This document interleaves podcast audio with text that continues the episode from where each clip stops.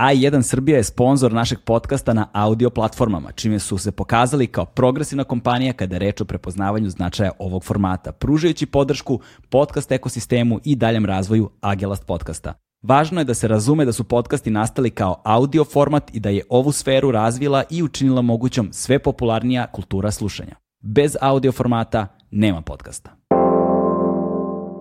Legend Worldwide je domaći modni brend prepoznatljiv po džinsu i stilu, fokusiranom na stvaranje smirenog dizajna sa prizvukom modernog nasuprot bezuslovnom praćenju modnih trendova.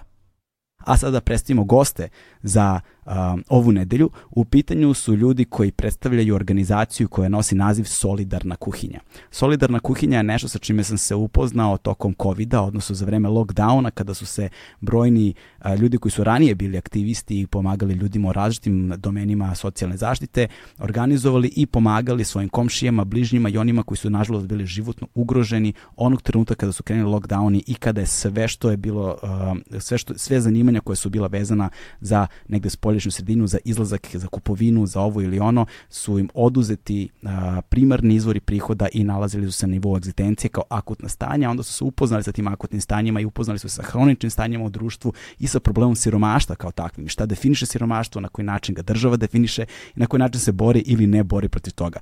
U pitanju dakle humanitarna i u pitanju je a, u pitanju je dobrovoljna organizacija koja pomaže našim najsiromašnijim članovima društva, ali kažem opet veliko je pitanje šta i na koji način se definiše kao siromaštvo i kao šta je siromaštvo ispod granice crte.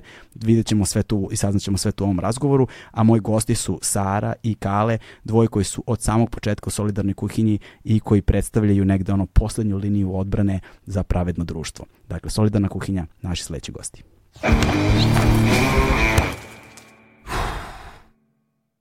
Hmm.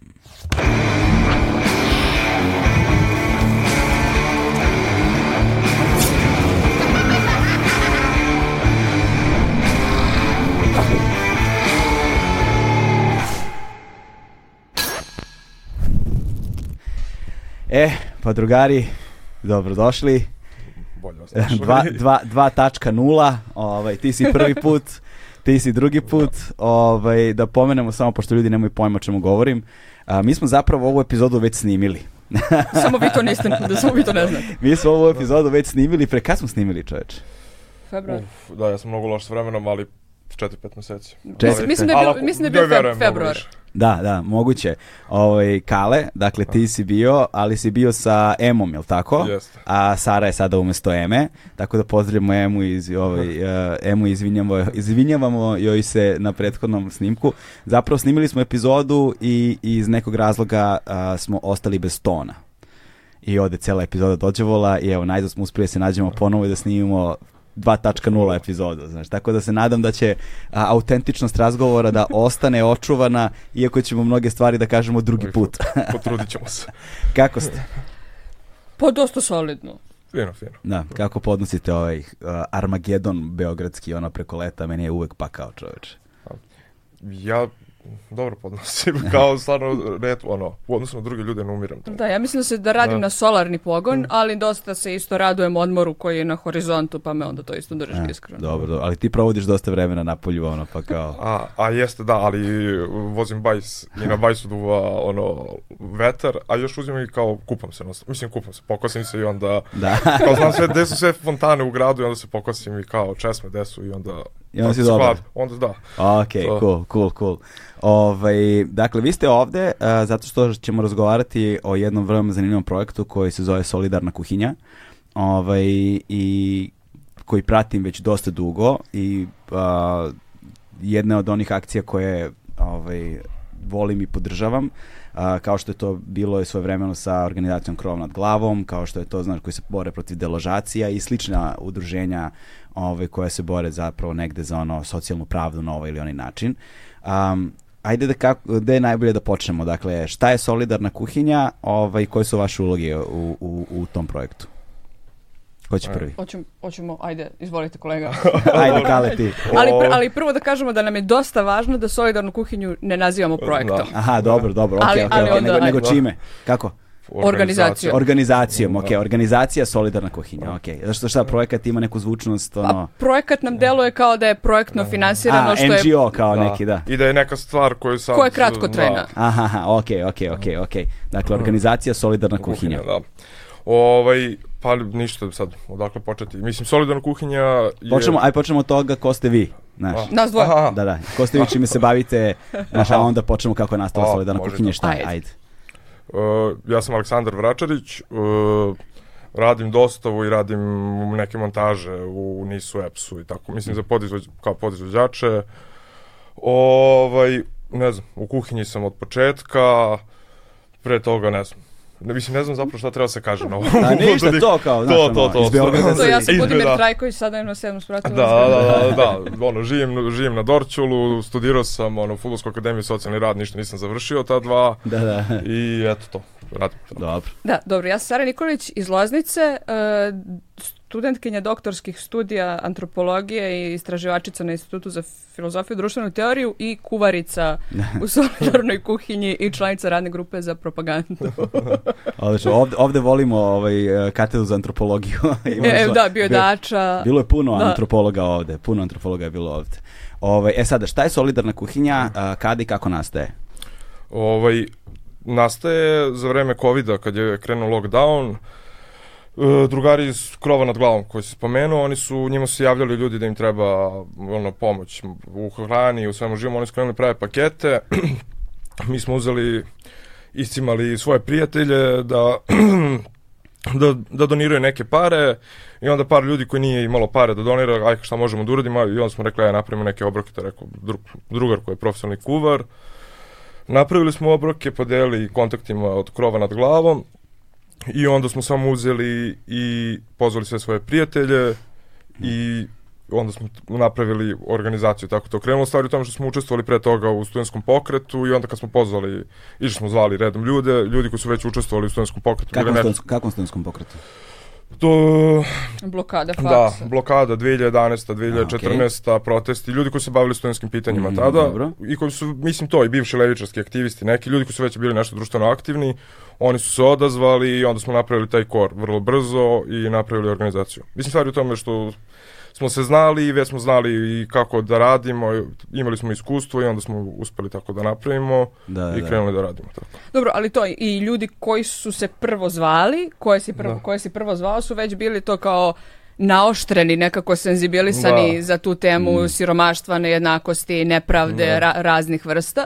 A već su se znali i radili zajedno, da li su uspešno ili neuspešno nešto skvotovali, da li su isto bili aktivni u krovu ili drugim sličnim organizacijama koje se bave pitanjima stanovanja i onda je nekako to kao pri- prirodno se desilo ta Da, da, kao da. ta prva ekipa se dosta lako mobilisala, onda se kasnije preko društvenih mreža suštinski širila priča i uključivali ljudi koje, koje nismo znali od ranije. Da, da, pa da, zato što imali ste već neku kritičnu masu ljudi koja je gravitirala već te određenim temama, nije bila neophodna neka posebna uh, neki pos- neka posebna edukacija ili neko posebno uvođenje u celu, celokupnu tematiku da bi oni dobili na nekoj vrednosti, da bi oni razumeli, da bi se priključili, pa da bi se pre izbjegao taj skepticizam i šta ti ja Ne, ne, znam. to je sve nego, bilo jasno, Nego samo ovo je- već bilo taj glatki, glatki početak, ali kao što Da. znamo, svi ti početi samo deluju glatko. Da.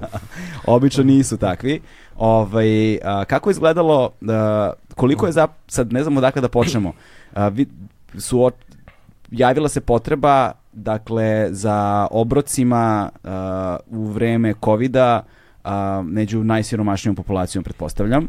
A, sad to je sad pojam siromaštva je nešto što će nam biti ovde jel te, jedna od tema kako se definiše, šta zvanično kaže, a kako, kako je zapravo utisak sa terena a, i šta zapravo definiše siromaštvo i na koji način. Um, ali kako je izgledalo to prvo spremanje obroka, znaš, suočavaš se, ti si bio tu, jel tako? Ti, Da, kad da. si se ti priključila? Drugi, drugo kuvanje. Kad drugo, drugo kuvanje. ono, da, e, kuvanje. dakle, tu ste od samog početka oboje, jel te? Ovaj, a, I ver, pretpostavljam radite nešto što nikada ranije niste radili, jel tako? O, pa Dakle- ja sam pomagala Kevi da spremamo slavu. To, je- to, je, to je dosta slično. To je, to je dosta slično. jel jeste? Pa, bukvalno da. E, ok, a, a kako izgleda situacija to, ono, spremate obroke, šta ste spremali, kako ste se organizovali za to i kako izgleda zapravo trenutak kada nosite to na teren, distribuirate, dajete ljudima e, utisci i tako dalje. Pa pazi, e, početno, ajde prvi dan baš, ne računamo, ali kao kad smo se već okupili i kao krenuli da radimo malo više, izgledalo je tako što smo to uzeli seli, zvali ljude i kao samo pričali, e, ajde da kuvaš za, za siromašne. Ne, to zove tako što ka Kale zove i kaže, hoćeš da kuvaš? Hoću. Koliko možeš da skuvaš za sutra? Deset? Ajde, nemoj da me zajebavaš. I ko, brate, Kale, nemam veću šerpu. Ništa ne brini, do, dolazi šerpa. Da, to otprilike je tako izgledalo u početku. Da, da. Ovaj... I kolika je šerpa stigla? Pa, pa, mora da stane na sve četiri ringle i da uključiš dve dijagonalno. Aha, tako izgleda. I, da, da. da I dublja je od varjače koje imaš u kući tako da ti ona potone i iskosi ruku. to je ono što nazivamo neko vojnički lonac. Da, da, da. Pa da, bukvalno, da. Iz kasarne neke ste ga dofrenili. Da, ili za kuvanja i vara ili da. tako da, nešto. Da, da, da, da. da. da. Ovaj, ali to, kako izgleda na početku, mislim, razlika, mi sad imamo šta je, na primjer, to glavna razlika? Na početku bio lockdown, malo za kontekst. Jasne, ovaj, jasne. To bio lockdown i mnogo ljudi koji su radili na ulici su bili u problemu. I sad nije samo beskućnici, ovaj, mislim ja uvek uzimam tu ženu za primer, možda bi trebao da prestanem, ali kao žena koja radi na pijaci, prodaje čarape, živi od meseca do meseca, bio lockdown, nije ništa radilo, ona je samo ostala bez primanja i imali smo kao dosta ljudi, ono, ima troje dece i ne, ne može da, ne, nema hranu, kao prosto ljudi, generalno su mreže podrške koje su imali ljudi, su, su se dosta raspale, povukli su se ljudi, nisu znali šta će da bude. Mm -hmm. ovaj, I u, peč, u početku je to ono tako izgledalo, mi smo išli, gledali smo da budemo malo van centra grada, jer u centru su već bile neke organizacije koje su delile. Da, to zbog konteksta COVID-a dosta u, u tom trenutku nekako kao u kriznim situacijama. Inače, ta solidarnost se aktivira mm. kako među ljudima, tako i među organizacijama civilnog društva i toj donatorskoj zajednici o kojoj ćemo posle pričati. I onda se na dosta mesta su se prikupljale neke namirnice, delili neki paketi higijenski ili gotovih namirnica, ali je to nekako funkcionisalo kratkotrajno i samo dok je praktično trajao trajao lockdown kao neka vrsta ono jednokratne, jednokratne pomoći. Mm -hmm, ok, ok, ok. I o, da. Kad kažeš lockdown, misliš na sve te mesece ukupno ili na taj kao prvi konkretno što je bio jedan vikend? Ne, znam. Ne, ne, ne, ono što, pa kad je bilo je 5 dana nedeljno.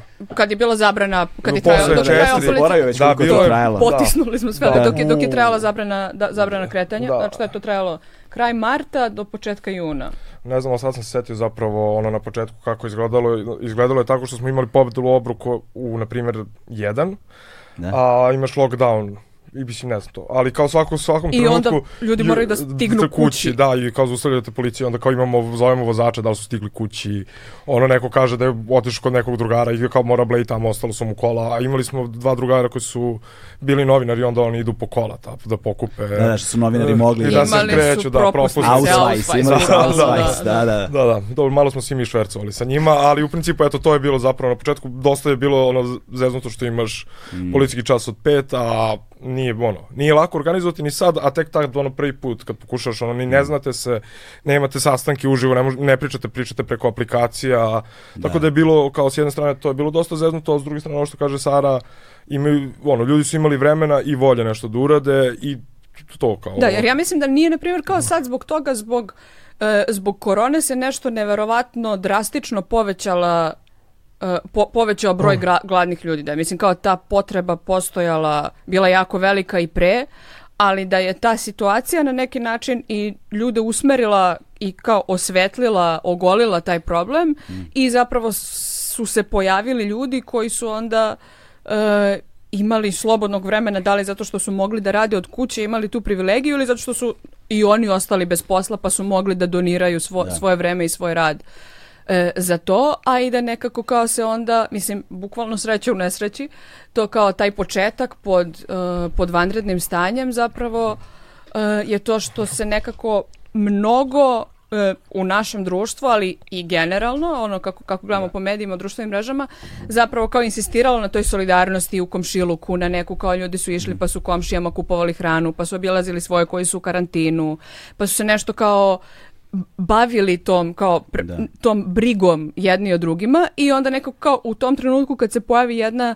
organizacija ovog tipa, mislim da nam je sam start bio kako kažem na neki način olakšan dosta teškom organiz, uh, situacijom, jer da smo krenuli u neka mirnodopska vremena, čini mi se da bi nam mnogo duže vremena trebalo da popularizujemo Da. ovu temu i zapravo kao uh, privučemo aktiviste, privučemo ljudi koji će svojim donacijama podržavati rad solidarne kuhinje i nekako kao i generalno mislim da bi možda i ono i neke institucije nadležne bile netrpeljivije pre- prema, prema, prema nama Da. da smo u neko drugo vreme počeli ovako se Pa kao- da, znaš, kada se, kada se uzmu u obzir organizacije koje se bave sličnim pitanjima, ovaj, svaka je stekla neodređenu vrstu vidljivosti baš u nekim značajnijim trenucima kada su bile teme od nekog ono, kada je bio zreo trenutak kada su se sklopili faktori da baš takva tema dođe negde u centar pažnje.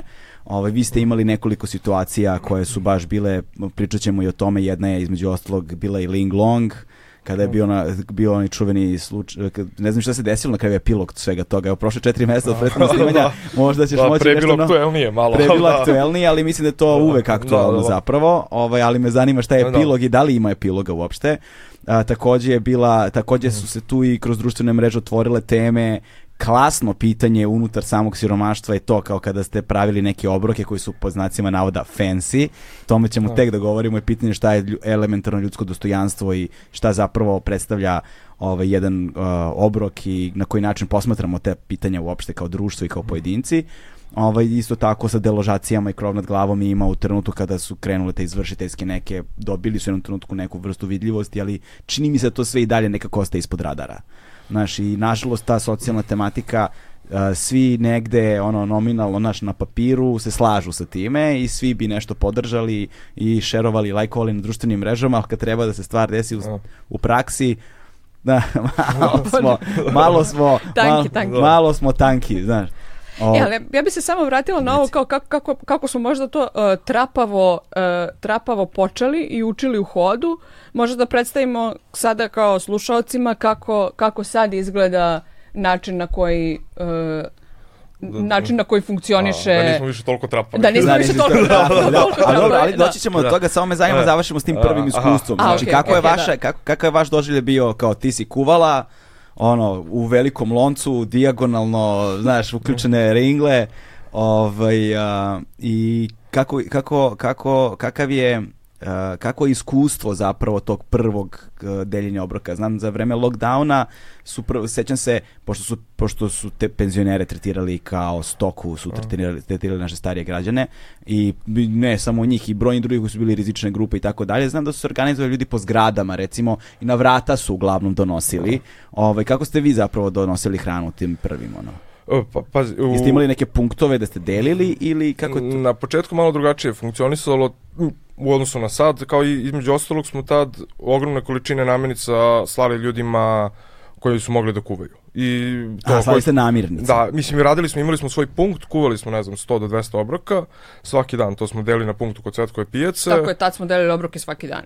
Da, Mm. ovaj, osim subotom i nedeljom jer je tad bio totalni lockdown. E, ovaj, ali to, većinu namirnica smo delili ljudima koji su mogli kuvati. Ili to, ne znam. I tad smo, mislim, bili smo mnogo fleksibilniji jer to što smo pričali ima vremena, onda neko, ono, neko ima dve tone mandarina koje će se pokvare, mi uzmemo tih dve tone mandarina i onda neko dođe pa ih raznosimo, kao konstantno smo bili na telefonima, kao ono, kako to sve da organizujemo. A punkt ovamo gde smo to krenuli smo imali smo punkt gde eto kažem tu su dolazili od, od ove žene koja mislim to bilo je mnogo ljudi koji su imali neformalne poslove koji nemaju ono žive od meseca do meseca i kao samo su dolazili i kao to dolazili su i beskućnici i penzioneri invalidi rada ali to mnogo više ljudi u odnosu na sada koji su zapravo bili koji, koji sada funkcioniš tako što rade na ulici, u tom trenutku samo kao nisu mogli, a kao nemaju nikakve zalihe novca i kao stvarno su bili u problemu. Mislim, nije... Da. Tu- u tom, mislim, tad, u, u, za razliku od sad, tad ljudi kad su dolazili, nekog od nas, naših kad bi došao na teren, mu bi možda bilo čak i teže, jer kao nekako ljudi imaju, mislim, loš, ono, dehumanizuju, na primjer, beskućnike i kad vide beskućnika da traži hranu, nekako im je to normalno, a kad vide nekog da nije beskućnik, neko to, nek, eto, neka žena koja radi na pijaci ima troje dece ili Da. bilo šta, onda je to mnogo teže padne. Mislim što realno jeste, mislim i tim ljudima je teže, Mm. jer kao nisu naviknuti. Ali eto, to je bilo, na primjer, ona neka razlika na početku. A1 je prvi prijatelj audio izdanja Agelast podcasta. Da. Dobro, druga razlika je bila što smo što je tad svaki kuvar ili kuvarica kuva šta je hteo. I to, to, to je bilo potpuno haotično. Znači dođeš i sad kao pa meni se sad kuva, ne znam, ono neka indijska hrana da. i ja ću sad da uzmem i da spremam to zato što su leblebije hranljive mm. i ukusne i jeftine i onda ću da to napravim i biće strava, a onda će Kale da kuva e, grašak, a Lela će da kuva, nemam pojma, pasulj i tako nešto i onda ćemo doći na teren i imaćemo 30 ovoga, 30 ovoga, 30 ovoga i tu, onda ljudi imaju iluziju izbora da mogu da biraju, a zapravo nemaš dovoljno da, da. za sve, a drugo ne možeš ni da pre, predvidiš troškove i onda smo u jednom trenutku malo tu kao lupili šakom o sto i kao standardizovali uh, i počeli da zapravo uh, pripremamo, da, da sve kuhinje koje kuvaju taj dan pripremaju isto jelo. Pa sad kao mm. naravno, naravno različite ćemo ti ja začiniti ali ćemo oboje kuvati pasulj i onda će kao zapravo svi koji dođu taj dan jesti pasulj i onda će nekako kao to da, da biti da, ušamljenije. Da, da, da, počeli ste da standardizujete malo tu organizacijnu da. strukturu. Hajde da pričamo malo o toj organ, organizacijonoj strukturi. Ovaj, kako funkcioniše solidarna kuhinja? Kao, kao sat. ne, pa dobro, uh, u smislu kao kako, kako funkcioniše proces mm. uh, pripreme Pa da, koji su, nabavke. koji su načela, principi, pazi, moramo da uzmemo u obzir da se sad mi ovde obraćamo ljudima koji ne znaju ništa o vama, da. znaš, i onda nekako im treba dati, postaviti koordinatni sistem unutar kojeg će oni moći da razumeju i vas i to čime se vi bavite, sa čime se sve suočavate, koji su problemi, šta je to, kako pročan čovjek zamišlja šta vi radite a šta je to kako ono zapravo izgleda, koje su najveće zablude u, u, u, u razumevanju o, vaše organizacije, a šta je to, šta je vaš negde spektar da onog, onoga što, što, što, što pokušavate postignete? Uh, znaš da, ako pričamo o zabludama, meni je kao uh, mislim, makar s ljudima s kojim ja pričam, kao nemaju ljudi toliko zablude oko organizacije koliko imaju zablude oko siromaštva. Kao ja to ne, sad hajde, mislim, hajde, vrlo lako mogu da objasnim šta radimo kao solidarna kuhinja, kao treba ono minut samo da kažem da ono da se samo ono grassroot finansiramo, da ne uzimamo pare od fondova i da niko ne uzima pare, to je malo ljudima čudno da kao svi znači, doniramo svoje da, svi donirate svoje vreme, svoje trud. Uh, da. i, Tako je potpuno da. na na volonterskoj, to je kao Aha. aktivistička organizacija mm. gde koja kao jedna od stvari je da niko od nas za ovo nije plaćen. Da. E, druga stvar je da e, se finansiramo na taj način, dakle potpuno nezavisno od pojedinačnih anonimnih donacija ljudi.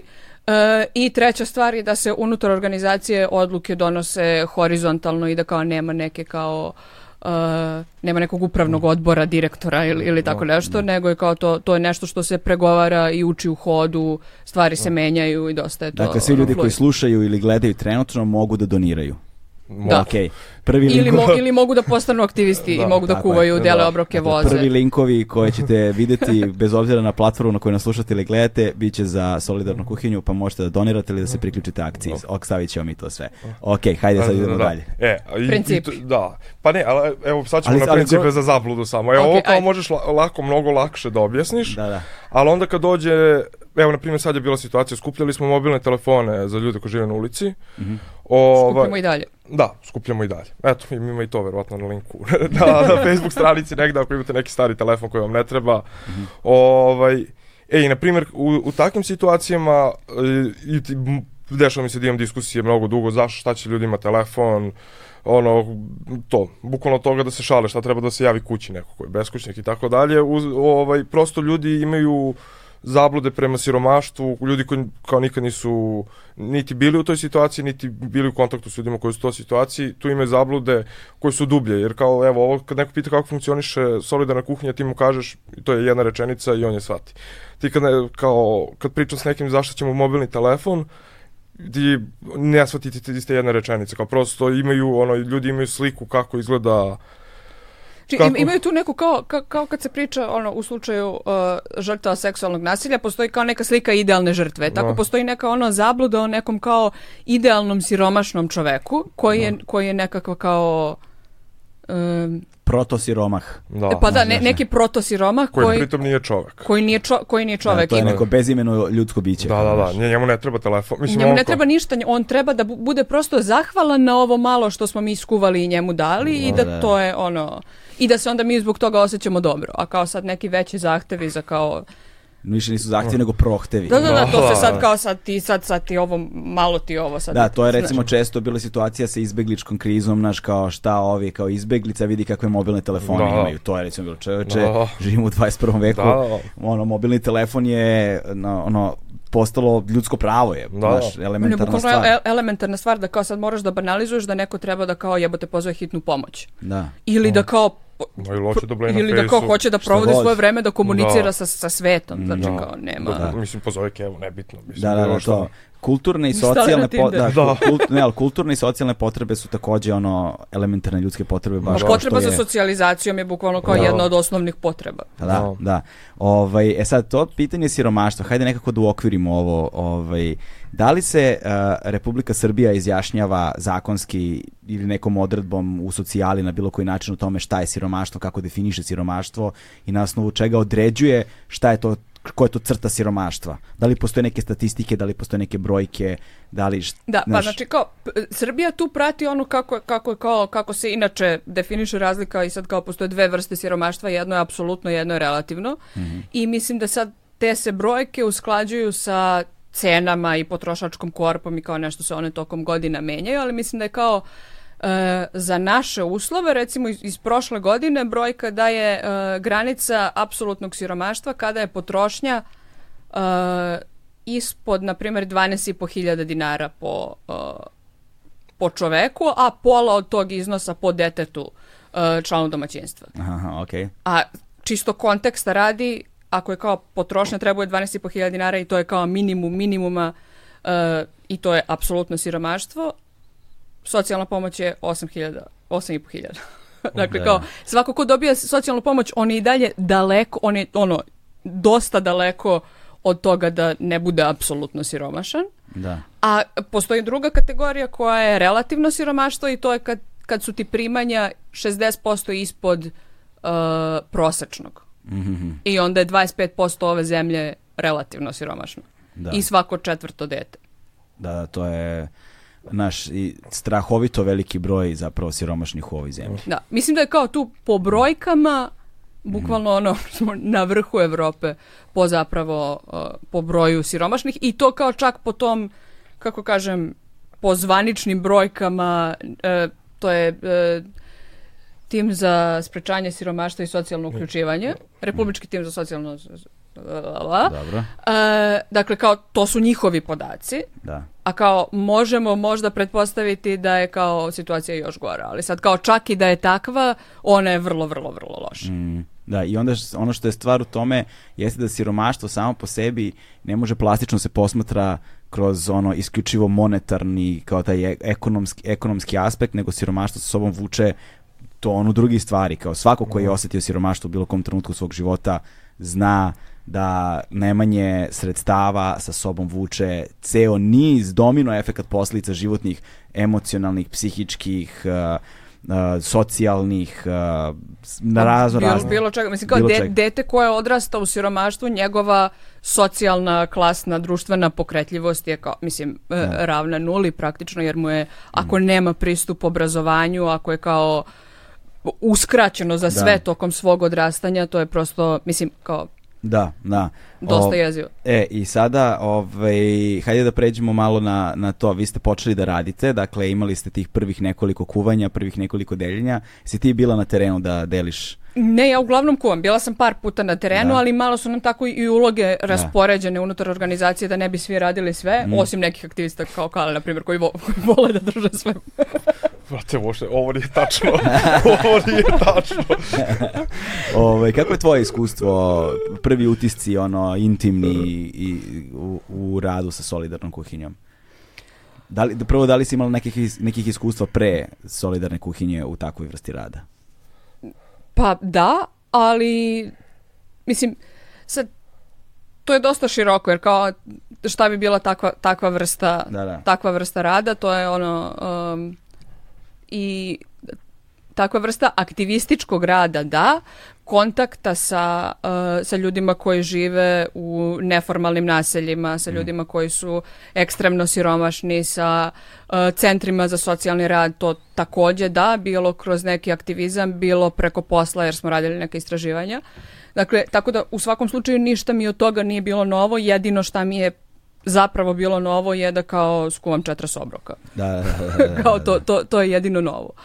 Ovaj, I onda je u tom, uh, na tom početku zapravo, uh, mislim, nekako, uh, mislim sad, sad to malo kao i glupo, ali uh, zbog toga što su uh, kuvari, naši kuvari i kuvarice, tako kao malo izolovani od tih, mm -hmm. od tih dešavanja na da. terenu i atomizovani i sam kuvaš u svojoj kući kao i vozač koji samo ide uh, i vozi i nema tog nekog kao drugog umrežavanja sa drugim kao aktivistima. Zapravo prvi prvi utisak i dominantan utisak mi bio kako smo mi kao neka ekipa koja se znala 100 godina s faksa i sa blokadničega kao odrasli.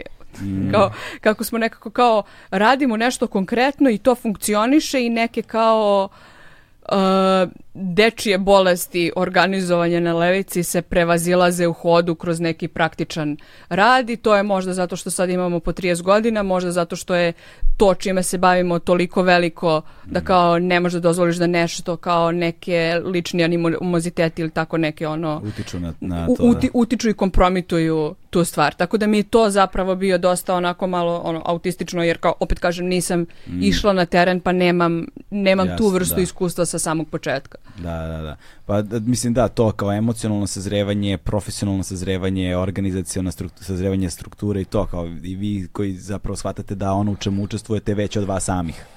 Da. I onda ne možeš da u, dozvoliš da se upropasti jedan ceo projekat, da, to je mi, ja, jasno mi je, ima smisla.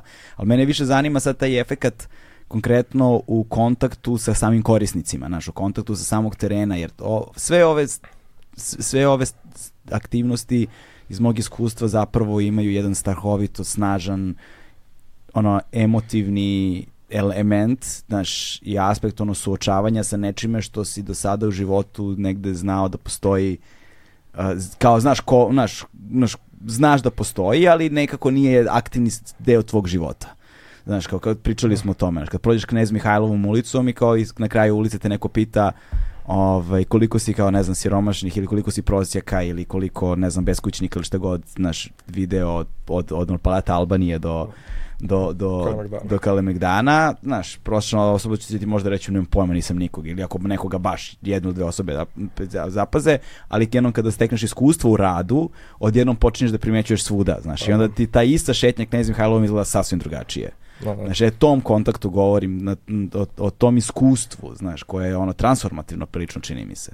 Da, to onda bolje, mislim. Da. da. Pa ja ne mogu da kažem da sam imao to transformativno mm. iskustvo u kuhinji. Ja sad, sad iskreno se ne sećam. Baš sam razmišljao, mm. kad smo se videli pre neki dan, o tome kao kad sam ja krenuo da imam kontakt sa mm. ljudima ono, u ekstremnom siromaštvu. Ne mogu setim u nekom trenutku sam neko krenuo skupljam odeću i delio kao beskućnicima. Mm. Ovaj, ja nisam imao taj moment i kao prosto, prosto mi je bilo ne, i o, prirodno mi je da mogu da pričam sa ljudima mislim nije kao sad mogu da pričam nije, mm. mislim da se razumemo dolaze ljudi, ljudima je neprijatno da pričaju sa beskućnicima ali na primjer meni je tu dešavalo se situacije na početku smo imali troje četvoro kuvara ili vozača kojima je bukvalno bilo neprijatno da znači oni rade sve oni misle da, da siromaštvo ne treba postoji, mislim, ono, samo im je bukvalno fizički neprijatno da budu u redu gde stoji 100 ljudi koji nemaju hranu. Da. E, kao, i, o, i, oni, I oni se desi, oni kad, oni imaju te one priče da zapravo sad primećuju koliko ima beskućnika. Oni kao bukvalno ih nisu videli pre i onda su kao da ih videli 100 ljudi na jednom mestu i doživjeli su šok. Mm. Kao, dakle, ovi ljudi. Da. Kao, prosto, kao ne vide.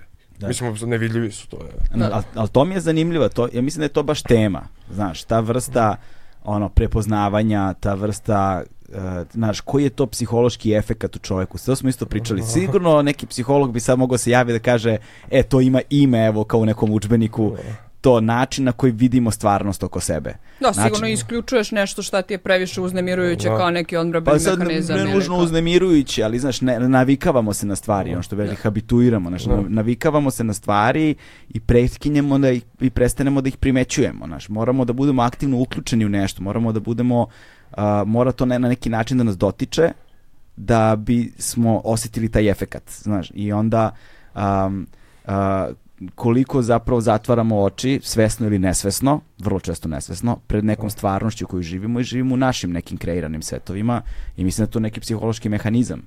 Doslovno. Ja mislim da je zato baš dosta važno, na primjer, što kao mi delimo obroke u javnom prostoru Mhm. i postoji taj red od, kao, nemam pojma, Koliko god.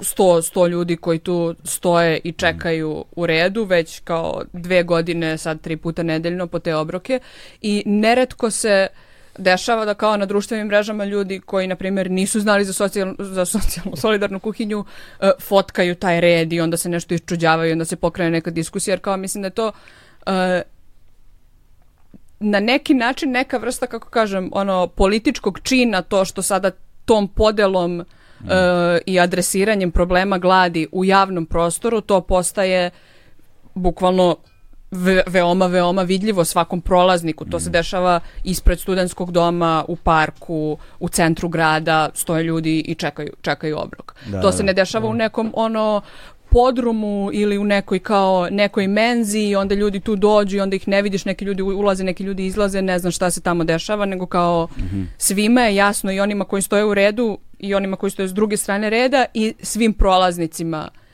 okolo zapravo post- postaje vrlo očigledno da postoje neki ljudi koji nemaju šta da jedu. Da. Ali s druge strane, uh, ono što je jedno od ključnih elemenata siromaštva jeste da ono sa sobom nosi, kao i brojni drugi stigmatizovani i problematizovane stvari u ovom društvu, nosi sa sobom jedno ogromno osjećanje sramote. Da.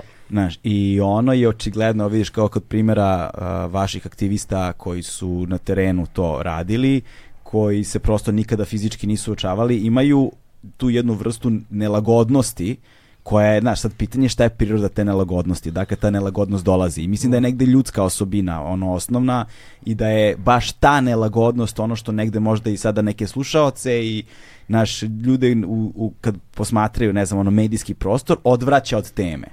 Nešto sa čime zbog koje oni se sklanjaju kao ne mogu ja ovo da slušam, ne mogu ja ovo da gledam, šta je ta vrsta nelagodnosti i kako se s tom nelagodnošću suočiti.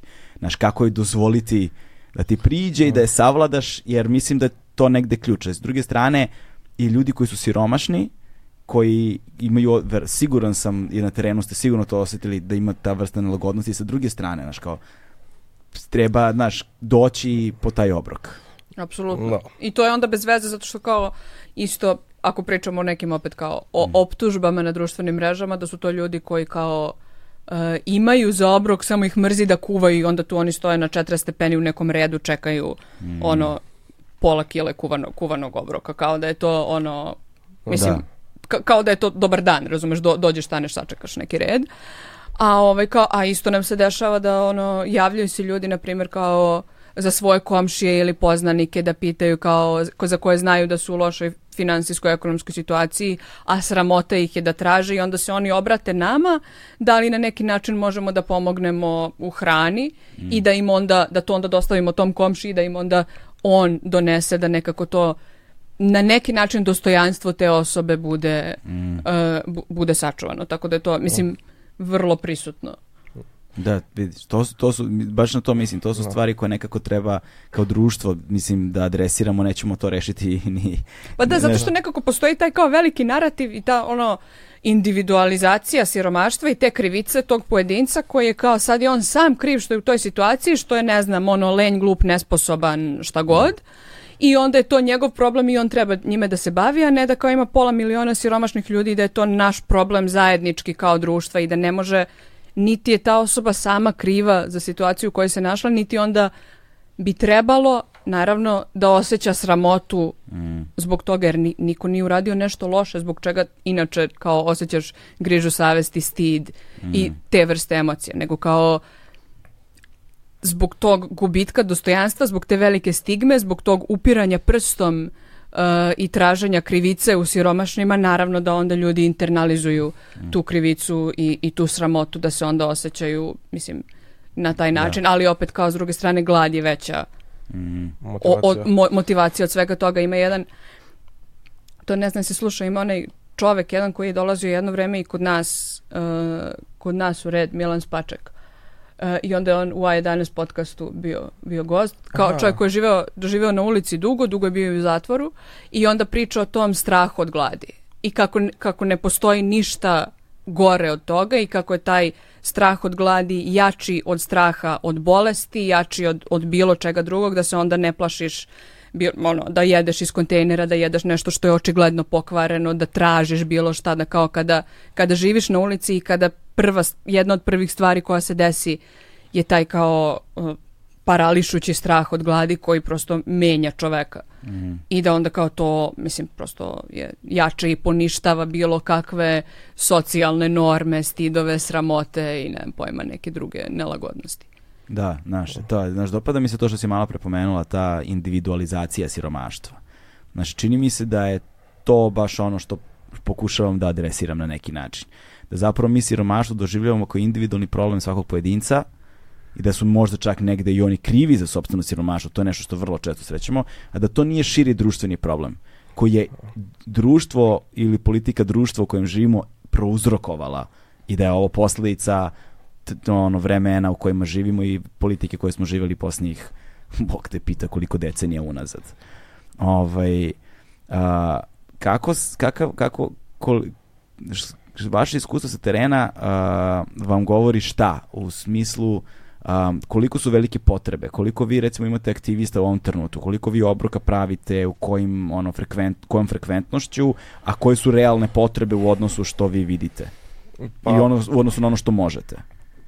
Ovako, mislim, aj prvo najlakše pitanje, mada zapravo možda i nije toliko, ali ima između 250 i 300. Sad Da, je, da. ovaj, znači to su kuvari, vozači i terenci, mislim, da, da bliže 300 zapravo. Plus logistika. Da, plus sad ono logistika, mediji, neka birokratija, ali eto, ovaj, i sad različiti ljudi različito rade, neko radi jednom u dva meseca, ne, neko jednom nedeljno, ovaj, to je neki broj ljudi koje ono, čine solidarnu kuhinju. A sad što se tiče sa terena, mi, uh, evo ja makar se ne osjećam nešto sad posebno stručan da kažem koje su potrebe ono, i da procenim potrebe Mm. u, niti u Beogradu niti u Srbiji ovaj, mislim mogu neku statistiku ono koje znam ali u odno, iz našeg grada mi ne dolazimo prosto do tih informacija mi u našem radu imamo to delimo između 100 i- mi u stvari 180 150 nam je sad. 180 na primjer obroka Da. tako Mhm. ovaj i Sredom, subotom i nedeljom. da tri, Tri, puta tri puta nedeljno po oko Po- 180. po 180. kod Vukovog spomenika i tu dolaze ljudi koji i, Koje doba delite to? U U 4 četiri sata. Da. U četiri sata. Ako neko zna nekog kome je potrebno, može uvek da dođe, nemamo ni, mislim, samo se dođe i uzme obrok. Da.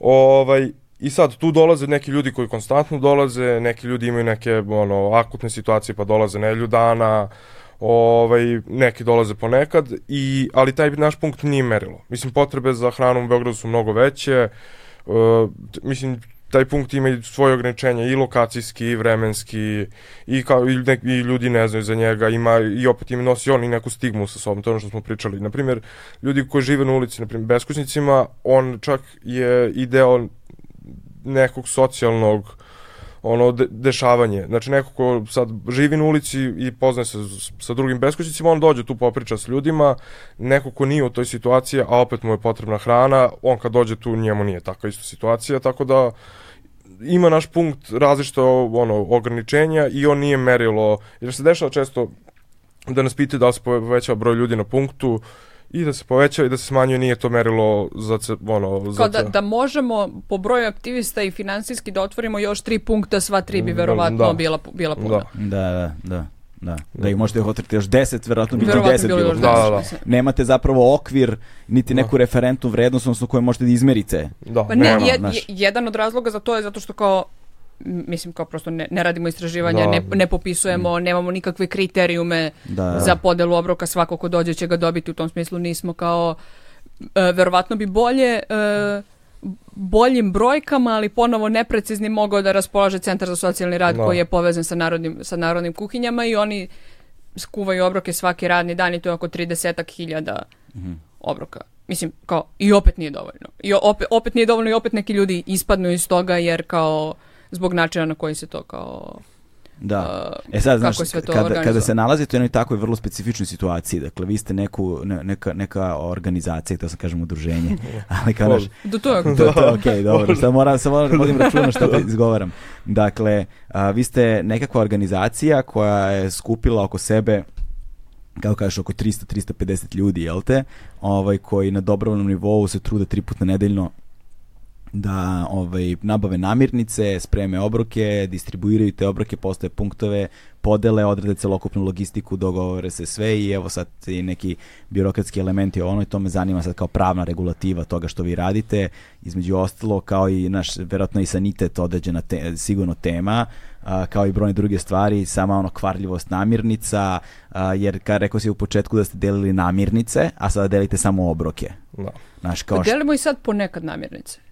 Mislim, Da, ali to je baš red. baš redko. Da. da, Ako ali- dobijemo neku baš jako, jednom smo dobili tonu krompira i on, onda naravno da ćemo, neće ljudi ko da je ono Da. 19. vek Irska jeste samo krompir dva meseca, Da. onda ćemo to podeliti. Ali kad dobijemo veću donaciju namirnicu, onda delimo i Da, ali šta je bilo zapravo, k- daj mi neku ono genezu, šta je bilo zapravo u početku, vi ste u početku delili namirnice, kako ste prestali, zašto ste prestali? Aha, pa ne, uh, ne, mi smo kao kuvali, ali onda nam se javi neko i kaže ima tonu mandarina i sad, mislim, zašto smo prestali, evo, zamisli tebi se javi neko i treba da spu- spustiš negde tonu mandarina i posle posla da isimaš četvoru ljudi, da no, voze negde, kao možeš to da radiš jedno, dv- dve nedelje posle toga. Da. Nije da. moguće jer će budi jednom tonu mandarina, onda će neko ti da četiri tone m, bibera. Mislim kao to kao ti sad trebaš da odneseš na 500 različitih adresa, Da. treba negde skladištiš, kao to, ono, preveliki je zalog, znaš. Mi generalno gledamo ono, organizacija kuhinje je taka da možemo da imamo, to smo se baš trudili, iscepkane poslove da, so- i da svako može radi koliko hoće. Da, ali I bio, onda ali bio, sećam se kad smo razgovarali drugi problem. Uh, uh, Kvarljivost. pa ne, pa ne, nego sa namericama i sa ljudima koji su tražili, koji su javljali u inbox, ono, koji A to, su, do, pa dobro, da, ali da, pa mislim mi prosto nemamo, evo, to je ono kad pričamo o koje su potrebe, mi nemamo resurse ni približno, ono, kad bi mi sad rekli, kad bi uzeli neke ogromne količine neke namirnice, kažemo je imamo, slučajno kad bi stavili na mrežama je imamo ono brašno, dok nek se javi ko tre, kome treba, kao javilo bi se hiljadu ljudi. Mislim, Da. evo bez preterivanja 200 sigurno. Odmah, ono, istog dana. Ali to kao ljudi, ljudi se konstantno koji čuju za nas, a na primjer nisu iz Beograda, e, porodice često se javljaju e, kada su u potrebi da im na neki način kao pomognemo u tome i mi gledamo da suštinski ljudima iz, na taj način izađemo u susret nekim jednokratnim, e, jednokratnim paketima. Ne možemo baš da kao kažemo e, ne- nema, ali ovaj ali prosto nije nije to poenta organizacije da distribuira pakete to je dosta kao em, em su te stvari teške i su onda skupe za slanje i kako kako će to biti dostavljeno onda tu negde nemamo vozilo kojim to možemo da ra- raznosimo koje kuda. Dakle to to dosta usložnjava celu logistiku i mi prosto ne, nemamo uslove uslove za to Ovaj, e, a onda se kao fokusiramo na to zapravo šta, šta je od početka cilja, to je priprema obroka i podela, i podela na tom punktu. Da, ali onda i Da, te i da. namirnice treba čuvati i tu ima puno To- to kvarljive da- robe, O, da, što, da. Mislim, mi insistiramo Frižidere, na- skladišta, šta god, da. Da. Mi insistiramo na tome da kada nam ljudi, jer je moguće donirati dakle u novcu, ali i, i u namirnicama, da se uvek konsultuju s nama oko toga šta nam je zapravo potrebno za kuvanje Mhm. i da onda mi kao ako želiš da kupiš, a ako imaš nekog viška, onda kažeš šta je taj višak, pa vidimo da li je to, ako je to nešto neka konzervirana hrana, pirinač, neš, ne znam nija, kao neko povrće, nešto što može da bude zamrznuto ili da dugo stoji, ok, Da. a ako je to nešto malo, isto smo imali te slučaje ka- kad krene sezona praznika, pa ljudima ostane od ono slave rođendana, nove godine, da, da. Božića, ne, ne znam, ono, tri kila pečenja, šta tačno, kao šta mi radimo s tri kila pečenja i onda tu uvek kao savjetujemo ljude da zapravo podele svojim komšijama, sigurno znaju nekoga u naselju u kome žive ili postoji neko mesto gde se ljudi okupljaju tu odakle su, gde, gde to može da se podeli i da se na taj način kao i posti, postiče ta solidarnost i komunikacija u nekoj zajednici, a ne sad da postoji neka organizacija koja će, će da ono mikromenadžuje sve viškove hrane Da, da, da, igde. da. Jer kao, naravno da ako nekom ostanu neki kolači, to bi bilo super da solidarna kuhinja podeli kao dezert, ali ako nema dovoljno za sve, to znači da mi onda moramo da dokupimo Mm. razliku, što je trošak koji nismo planirali, što poskupljuje Sve, da. sve i nekako kao koliko god da je dobra namera koju vrlo cenimo, dosta komplikuje proces, a ljudi naravno ne mogu da znaju za naš proces, pa zato se zapravo Da, e, trudimo to da, kad- da iskomuniciramo. Da, to kada vam se neko javi recimo sa, da ima, želi da donira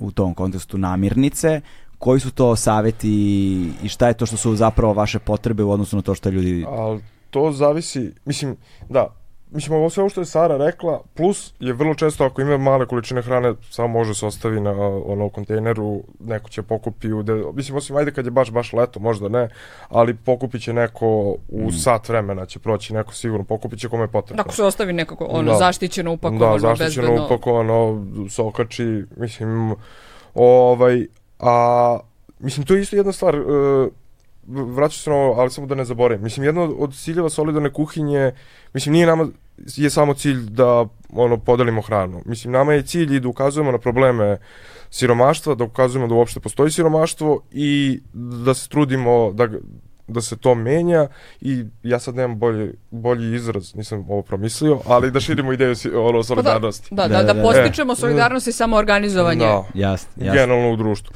I to je ovo što Sara Zato ste i ovde između ostalog. Da, zato smo i ovde, da. da, zato što te teme solidarnosti će se pokazati, znaš, a to je zapravo sa mnogim stvarima u životu. Znaš. Ima nešto što mi kolokvijalno podrazumevamo, kao da, kad pomeneš pojam, da, jasno mi je potpuno, ali onda kad probaš da ga zoomiraš i da opipaš njegovu teksturu, da pojasniš gde, su, gde se jasno definišu granice tog pojma, shvatiš, e, pa sad se već malo i razlikujemo u tome kako razumemo te stvari. Znaš, i to, solidarnost, sloboda, sreća, to su sve stvari koje, znaš, kao kolokvijalno se podrazumeva, ali kad postaviš pitanje šta tačno misliš po time, odjednom su magloviti, ne tako uhvatljivi, nije baš da smo saglasni u potpunosti s time šta se tu podrazumeva, šta se ne podrazumeva. I vrlo često iznenadimo sebe sa sobstvenim ograničenjima u razumevanju tih stvari. Znaš, kako ih vidimo, jer su one uvek negde relacione u odnosu na nešto su, nisu same po sebi definisane kao takve. I, ovaj, I onda adresiranje tog problema je sigurno dosta no, težak i nezahvalan zadatak. Posebno da pri, privučeš pažnju ljudi kada su te stvari u pitanju. E sada, pošto vi delite te obroke, kažete da to, koliko ste rekli, 183 puta nedeljno, jel te? S obzirom na to kakve su potrebe koje su ono, ne, naš, neprebrojivo velike, verovatno u Srbiji u ovom trenutku, vi ste primorani nekakvu vrstu trijaže.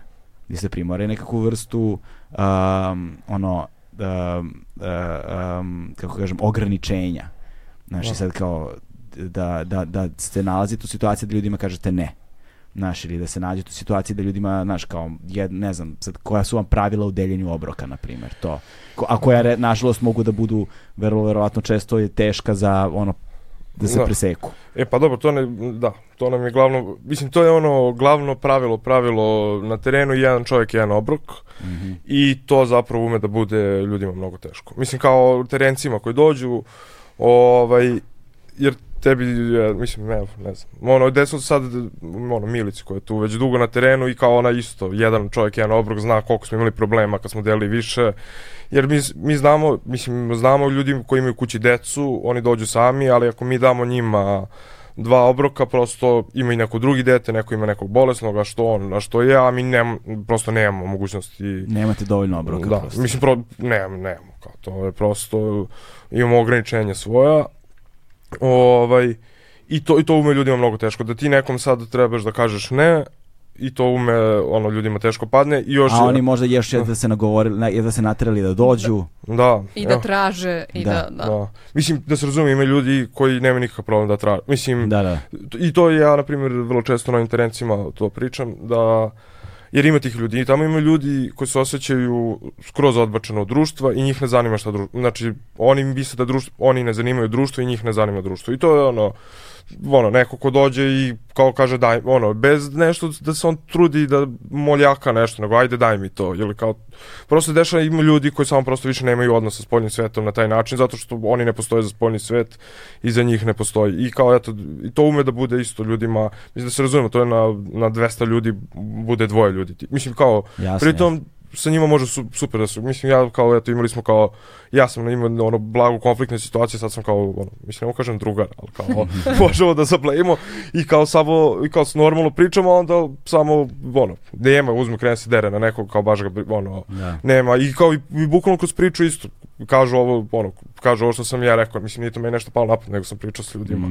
Ovaj, ali to ume da bude, eto, to, ljudi se iznenade kao može tako neka neprijatna situacija i mnogo je teško ljudima kaže ne možeš da dobiješ drugi obrok. Ne mogu ti dam za, da nosiš ono deci, ne mogu da ti dam, a to su nam stvarno ono, Da, a, Mislim, to je nešto što mi prosto moramo da radimo da bi ljudi koji su aktivisti, ak- aktivistkinje na terenu, koji nisu mislim, to, to su sve Mm. aktivisti, to nisu profesionalno obučeni ljudi, profesionalci kako bi mogli da ono uh, se nose sa tim, da održavaju neku, mislim, ne mogu kažem disciplinu, ali ne, da, način da ta podela obroka protekne najefikasnije i prijatnije moguće koliko god da je to moguće, prosto takvo pravilo mora da postoji. To ne znači da kao ako nama ostane, na primjer, do, mi smo skuvali 180 obroka, došlo je 160 ljudi, ostalo je 20 obroka, oni neće biti bačeni.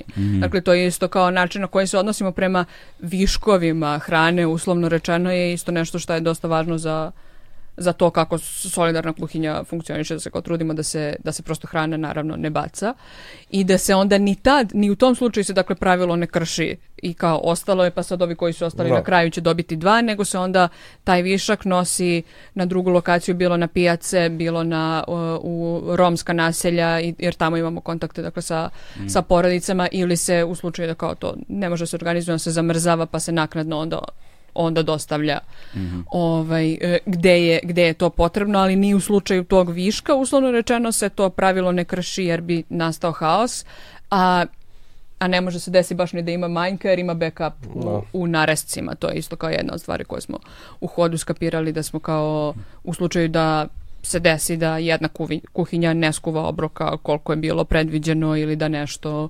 zagori ili da, Da. prosto dođe više ljudi nego što smo predvideli. Postoje tu u blizini, da kažem, postoji štek uh, sa Mesnih šte- šte- narezaka. štek, štek mesnih narezaka, tako da niko ko dođe neće ostati bez obroka, da, da. ali će svako dobiti po jedan. Mm. Da, sad je tu uh, još ne, nekoliko stvari mi je takođe, ovaj, raz, razmišljam sve vreme kao pominjate, znaš, to, na, na primjer, neko ima decu kod kuće i dolazi po taj jedan obrok, a onda sad znaš, a, a da bi ta deca dobila ob- obrok, to bi podrazumevalo, znaš, da mora i tu decu da vodi, tu da stanu u reda, što je sad već ono sad zamišljaš naš roditelja s decom u redu i Da. to je već ono, znaš, nije Da. mi dobro.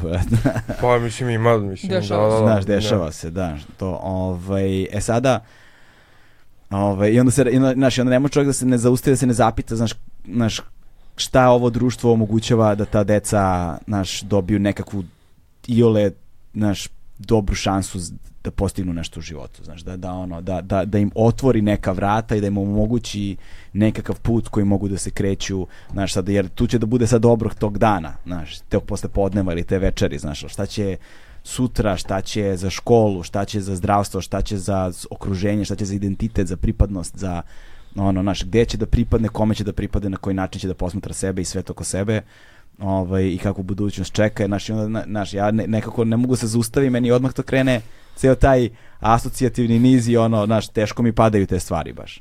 Um, e sada, pored toga, a, um, kažeš, a, vi imate još, jednu, još, jed, još jedna stvar koja mi je bila zanimljiva kada sam po prvi put razgovarali je bila a, ta neka vrsta decentralizacije kuvanja. Mm. Znaš, da zapravo vi nemate jedno mesto na kojem kuvate sve obroke, nego da se to dešava zapravo na više različitih lokacija, da imate kao neku filozofiju iza toga. Pa da, mislim, ovaj, mislim, dešava se ponekad i kao nedeljom kuvam na jednom mestu, Da.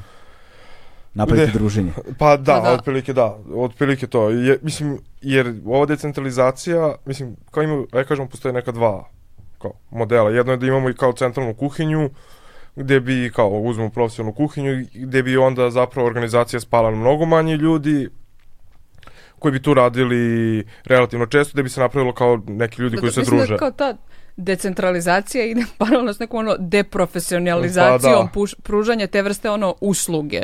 Jer kao niti vidimo sebe kao neku ono organizaciju koja pruža neku uslugu, niti ljude koji onda dolaze po te obroke kao neke naše korisnike tih usluga, nego zapravo kao ljude koji su solidarni sa ljudima u potrebi. I da ono i da je to nekako kao meni na primjer i to kad sam pričala s nekim drugim ljudima bilo baš kao sjajan moment što ti ono kod svoje kuće, u svojoj kuhinji možeš da pripremiš nešto što ćeš podeliti sa drugim ljudima, da to nije neki bauk, da to nije nemoguće, da to nije neverovatno skupo i da to može bukvalno svako od nas ovde u ovoj sobi uh, u, u ovoj sobi da uradi, a osim toga mislim da je kao i uslovljeno time kako smo počeli za vreme policijskog časa i da je prosto bila i neka organizaciona neminovnost da, da bude decentralizovano na taj način. Da, ali mi se dopada naš i ta ideja načina na koji se učestvuje. Znači, Pa na taj to- način Da. organizacija ulazi u tvoj dom. Znaš, Da. i kao i iz tvog doma, znaš, izlazi negde dalje i, i, i dolazi do nekoga. Znaš, da je to I naravno ti, ti, ti koji si to kuvao od 10 ujutru do 3 popodne, naravno da ćeš i ti ručati isto to. Da, da, da, da, Da kao nećeš kuvati sebi neki drugi ručak kao, jer će ti se smučiti da kuvaš, a drugo jer kao i onda ima i neka ono lepota u tome da se kao iako možda ne u istom prostoru, ali se i taj obrok bukvalno deli i on je Na ono koliko lokacija kuvate sada? Pa, pa mi imamo ovaj, imamo naš prostor gde kuvamo, a kuvaju ljudi kod svojih kuća, a sad... to obično bude mislim 4-5 kuhinja Da, po da, danu. da, da, po jednom danu, a 4-5, na primjer, ima 120. Mislim, mi nismo, ne bavimo se logistikom, a imamo Da, nismo podeljeno... u toj radnoj grupi. da, Aha, imamo da, da. podeljene, tako da, ajde da ne slažemo, Ne. ali tako nešto, na primjer. Ali ne, zato, zašto, Ali kao stotinak lokacija u gradu na kojima se kuva. da, ne, Da. zato što za, za, za- zanimljivo mi je to zbog toga što oni moraju da se sinhronizuju na neki način.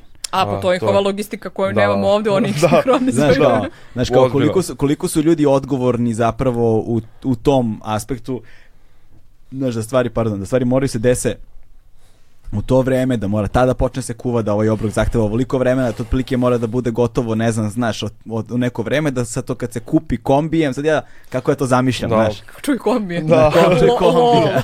da, to nam je, to, To nam je težimo, san. ne, da, težimo to u nekom trenutku, ali da, nemamo još. Pa ovaj, pazi, Znači, da objasniš kako izgleda prijem i kao šta kažeš ljudima na prijemu, to je možda kao...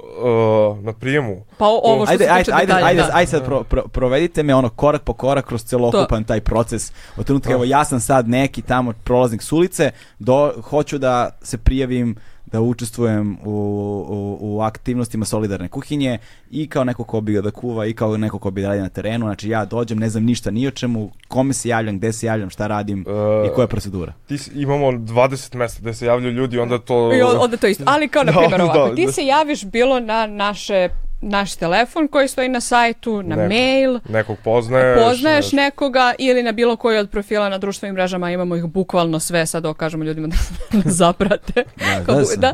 Solidarna kuhinja, to Instagram, Facebook, tik- Twitter, TikTok, sve. Nemamo LinkedIn, šta, šta će Da, nam. okej, šta će vam, I da. onda se kao javiš, neko ko stoji s druge strane tog telefona, maila i Instagram profila, e, se dopisuje s tobom, ostaješ ime, prezime, broj telefona, onda te nakon toga naredne nedelje, na primer, pozove Milica. U, u optimalnom slučaju. Malo pa si pomenuo nešto Milicu kada smo pričali o ovoj trijaži u deljenju obroka pa si samo skrenuo s teme. Aha, ovaj, pa ne, da, ona je tu često, njoj se desilo da je čovjek, ono, inače vrlo veso duha, ono, us- pomaže nam dosta, mislim iz reda, ali vrlo veso je tražio kolač za svoju devojku i ona kao došao je s devojkom i tražio još jedan kolač za devojku i ona se raspala zbog toga. Ono kao nikad je nije bilo teško da kaže ne, ali kao, kao ta situacija, ono, bukvalno, ono, čuli smo se, kaže, ja ne mogu veriti šta se desilo, kao, a nije smela, a kao nije mu dala na kraju. Da, da, da. da, da, da. Ovaj, E sad to- Milica, Da. I onda te, onda te Mil- Milica zove telefonom da se dogovorite... pozdrav za Milicu. Veliki pozdrav za Milicu. Da se dogovorite za e, datum, dan, vreme kada ćeš ti i drugi ljudi koji su u tom prethodnom periodu, na primjer 7 dana, 10 dana javili da se priključe solidarnoj kuhinji, okupiti i naći kod nas u kući, u ce- centralnoj kuhinji, magacinu, štabu, svemu. Da, je li to neka tajna lokacija ili se, ili se Pa, zna gde? kod Đerma je, nije. Žerma da, nije ništa, okej, nije da. ništa ultra tajno. Dobro. Ovaj, e, gd- gde ćete onda kao doći i tada će Kale i, i Milica vas Da. provesti kroz, kroz proceduru, poznati sa principima na kojima smo organizovani, nekim osnovnim vrednostima i tim kao obavezama praktično. I da. koji su to principi na E. kojima ste organizovani, koje su to Sad. vrednosti, o koje su to obaveze? Pa, pa, uh, Šta je to ono, što im ispričaš? Šta je to? Pa, uglavnom gledamo da kroz, kroz razgovor nekako ispričamo principe i onda ima ostanu dva, tri koje su nam ono, bitna. Jedan je taj da ne pravimo nikakvu diskriminaciju ni po jednoj osnovi, e, drugi je da ne sarađujemo s političkim partijama ili organizacijama koje to hoće da postanu. I onda iz toga, eto, onda kažem taj princip i onda kad kažem taj princip, onda kažem mi se ne bavimo samo podelom hrane nužno, ovaj, postoji šansa da ćemo da radimo druge stvari kao što smo već radili. Kao na primjer? E, kao na primjer, ne znam, kad je bilo, ne, za odbranimo reke Stare planine, tamo je bio neki protest, išli smo tamo da pravimo hranu, da budemo, inf, i, to, da budemo ili, infrastruktura. Ili kad je bio Linglo, Linglo. gdje smo se pokušavali umrežavati s nekim sa- radnicima u štrajku, znači Da, e, i, šire adresiramo probleme koji su nekako bočno vezani za siromaštvo. Da.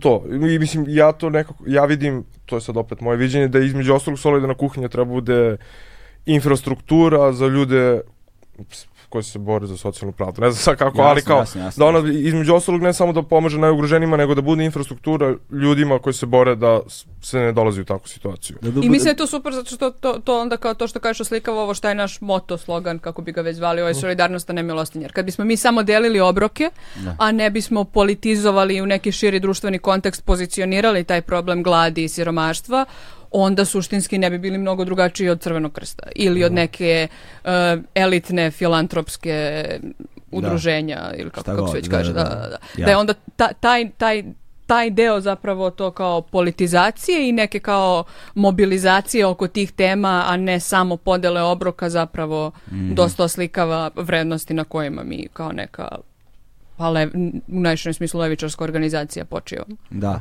E, a, sad ka, spomenuo, spomenuli ste taman Ling Long, to možda nam bude sledeća tema, samo što pre nego što pređemo na tu A temu... da, za- da završiš prijem, da primimo da, da, da, zav- da završiš, da završiš ovaj, znači, znači ja sam došao, Eto, dobro, ništa. Uh, došao on- sam tamo na. Džeramu, Ima na još, ce- ima, čekaj, čekaj, jedan bitan princip, to nam je finansiranje. Mislim, to smo već rekli, ali kao to volimo da pomenemo, Hmm. ovaj, mislim, mi imamo princip eh, pri, eh, da pomaganje drugim ljudima ne treba se koristiti za promociju i reklamu, to normalno ne znači da neko okače na svom fejsu, nego ono, da se ne koriste političari, da ne koriste, u tom Jasno, smislu. jasno, jasno. I stoga smo u nekom trenutku izvukli kao svoj način pri, finansiranja, finansiramo se isključivo od donacija pojedinaca, kao ne sarađujemo s pravnim licima. Mislim, ne, dobro, da ne računamo sad da je tu ako bi s nekim sindikatom ili nekom organizacijom na nekom nivou, ali mi se to sa, od firmi... da ne, ne sarađujemo sa privrednim Da, sa u tom, privrednim... u tom smislu kao nekim ono profitno orijentisanim Da, uh, da, da, to.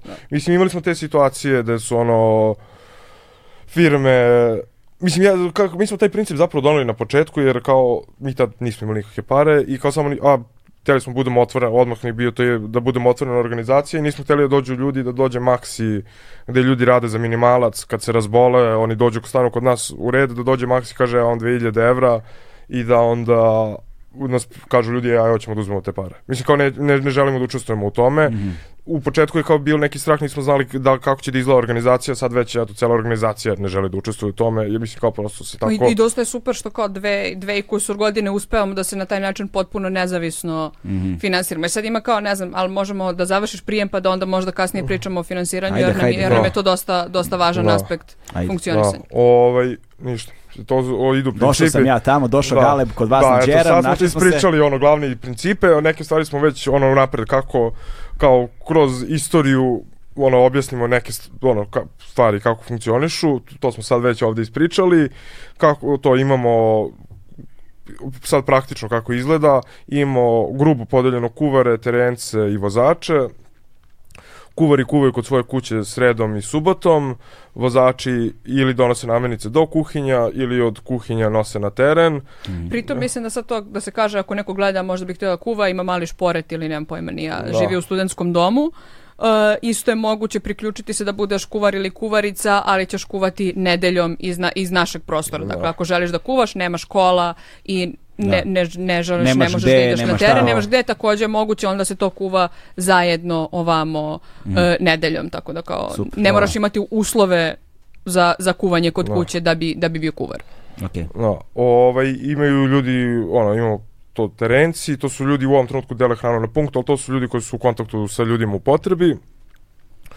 Ovaj, e, I ništa, te jed, eto, jedan, jedna radna nedelja izgleda tako što, Ponedeljkom. da, Znači ima, Da, ima ta da. radna, radna grupa za da, logistiku? čekaj, da, mogu samo da, da, pogrešio sam. Treba se kažem, imamo i to zovemo kolektiv, tu je na primjer 15 ljudi koji se više cima, ovaj, imamo, kogod hoće, imamo to napravljeno, ko hoće... Kao da- se sad on, kao onaj mim sa onom, E, onim da, brojkama da, da, ovako, šta, da. Da, imamo kao te, ima 300 ljudi i svako ima, cimaju se ljudi različito. Ima sad ono neko, i, i ko se koliko cima, on je u takvoj neradnoj grupi. Ima, da, Da, da, da. ima sad nas 15 koji se, ono, Baš najviše, cimamo. baš cimamo, znači to je ono, mediji, ono, idemo po podcastima i tako to.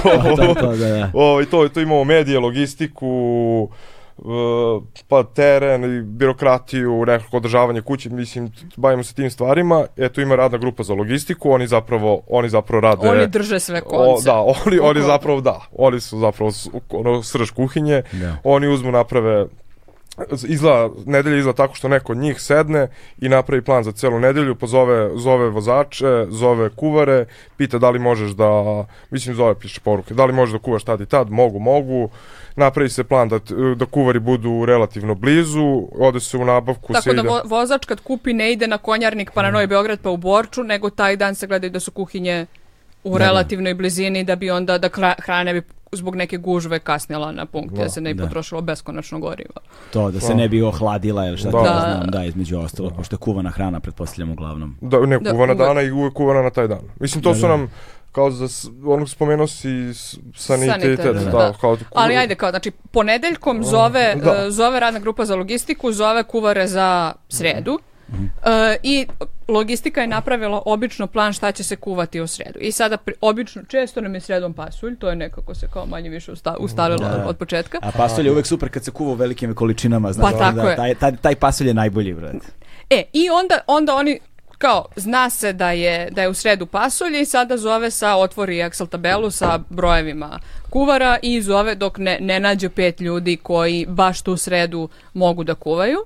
E, I onda se ide u nabavku u utorak, Radak ide u nabavku u utorak e, i ku- kupuje stvari koje su potrebne za celu tu nedelju. Namirnice. Na, namirnice i ako treba još nešto za kuću, ako nekih stvari, ako uh, je možda drugim danima, ne- nebitno, je zafalilo nešto, pošto smo na terenu isto delili i maske, imamo odvojeno naručujemo one ambalaže, kašičice, sve to Jasno. nešto. E, i onda uh, u utorak uh, radna grupa za logistiku, neko ko je, pošto se te funkcije rotiraju, gledamo da inače kao u solidarnoj kuhinji kako kažem, izgrađujemo funkcije i pozicije, a ne pojedince i da svako od nas bude zamenljivi delić i da organizacija može da funkcioniše kad neko od nas bude u burnoutu, ode, nestane, šta god drugo. To je još jedna ovako mental note, još jedna tema je burnout. Da. Posebna tema. Ovaj, I onda ne- neko iz logistike utorkom dođe i to šta je bilo uh, kupljeno u nabavci za taj, na primjer, pasulj sredom, podeli tako da uh, svakom kuvaru će stići jedna velika šerpa, jer je sigurno nema kod kuće dovoljno veliku, e, jedna velika šerpa sa svim namirnicama koje su mu potrebne, tačno proračunato za broj obroka koje treba da skuva tog dana. Dakle, vrlo često nam se ljudi javljaju ili kad pričamo ovako s nekim drugaricama kao, ja pa ja znam da kuvam, ali nikad ne bi mogla da se snađem kako to, ne bi znala koliko začina, koliko čega da stavim, nikad nisam spremala nešto toliko, bukvalno ne moraš da brineš se. Kao, znači kao sve je rešeno.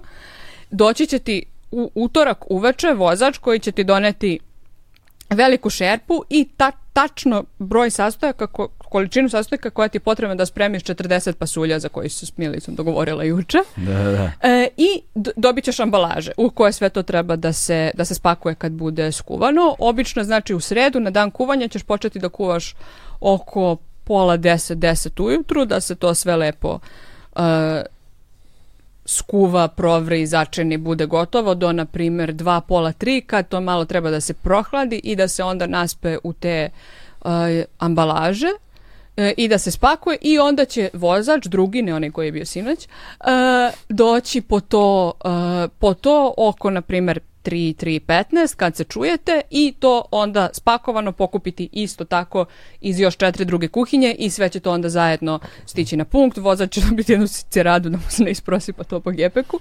Da, ja, se desilo kad se prospe pa Brda, brda puta i onda, i onda kao pi- na, na, na Facebook grupi pisati podsjetnike kuvarima kako da se zaprži nešto. Da. 601 način kako da zgusneš jelo, a da se ne, ono, No. da, da ostane i dalje ukusno. Da, da, da, da, da. ko- koliko da se sipa da porcija bude obilna, a da ne preliva iz te ambalaže i tako dalje i tako dalje. Da, viš koliko je tu detalja, čoveče, ono, znaš, Dosta, pojedinosti o kojima treba voditi računa, da. I sad, recimo, ako se ja previm da kuvam, ja dobijam ceo taj spisak, ono, stavki koje moram da ispunim da bi to moglo da bi to u svakom trenutku mo- da bi to moglo funkcionisati od tačke A do tačke B besprekorno.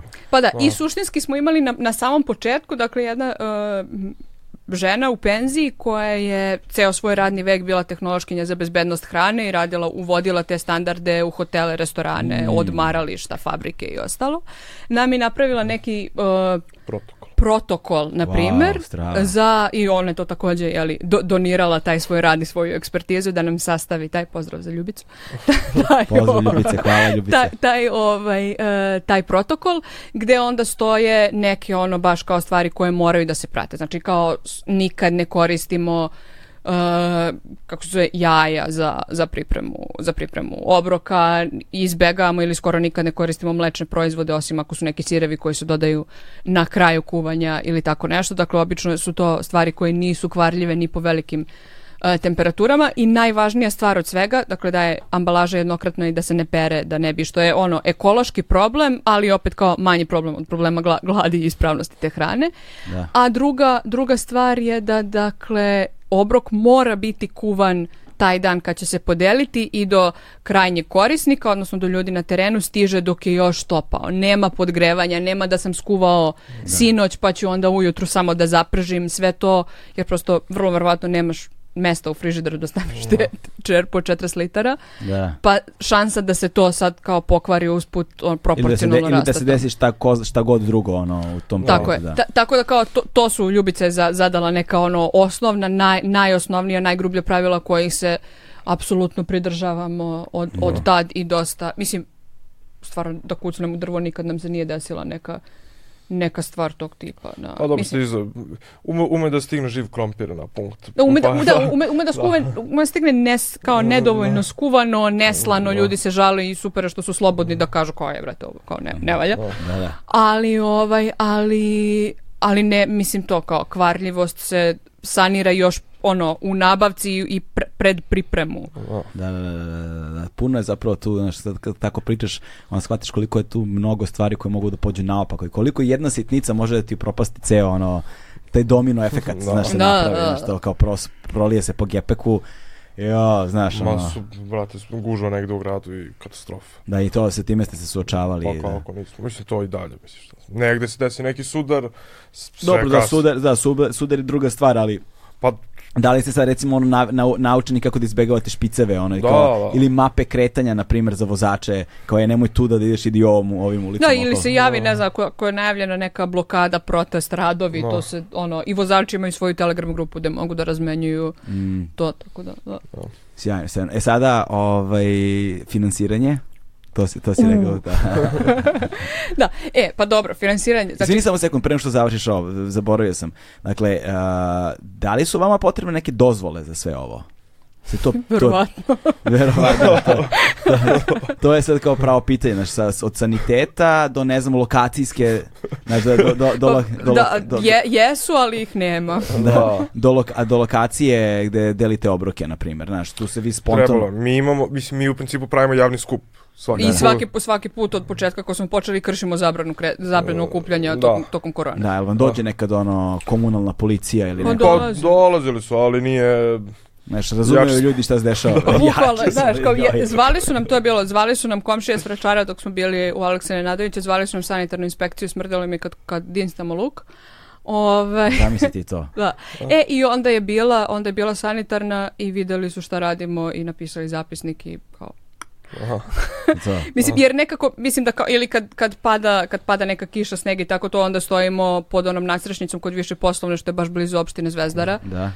I nikad nas niko iz opštine nije smarao, jer nisu ni oni baš potpuni debili da će da prave frku, jer su možda i svesni nekog odgovora i koliko Da. mi preuzimamo neki posao države umesto države, tako da mislim da tu ide na neko ono, Da, da, da, da se neko, neko, neko prećutno podrazumevanje. neko prečutno tr- trpljenje da, Da. sad kao se izbegava neka... Na kraju dana smo neka ipak ljudi, ja? Da. Na kraju dana smo ipak ljudi. Pa mislim da se na kraju dana ipak plašimo ono, s društvenih mreža. Pa, s njihove strane. da, plašimo, To je što plašimo, kažem, plašimo skandala. Tako da, Da. kao, Da, ni, da, nisu da. ni oni ludi da kao sad ono, se zameraju solidarnoj Da. kuhinji. Da, da, da, to, Ja. to.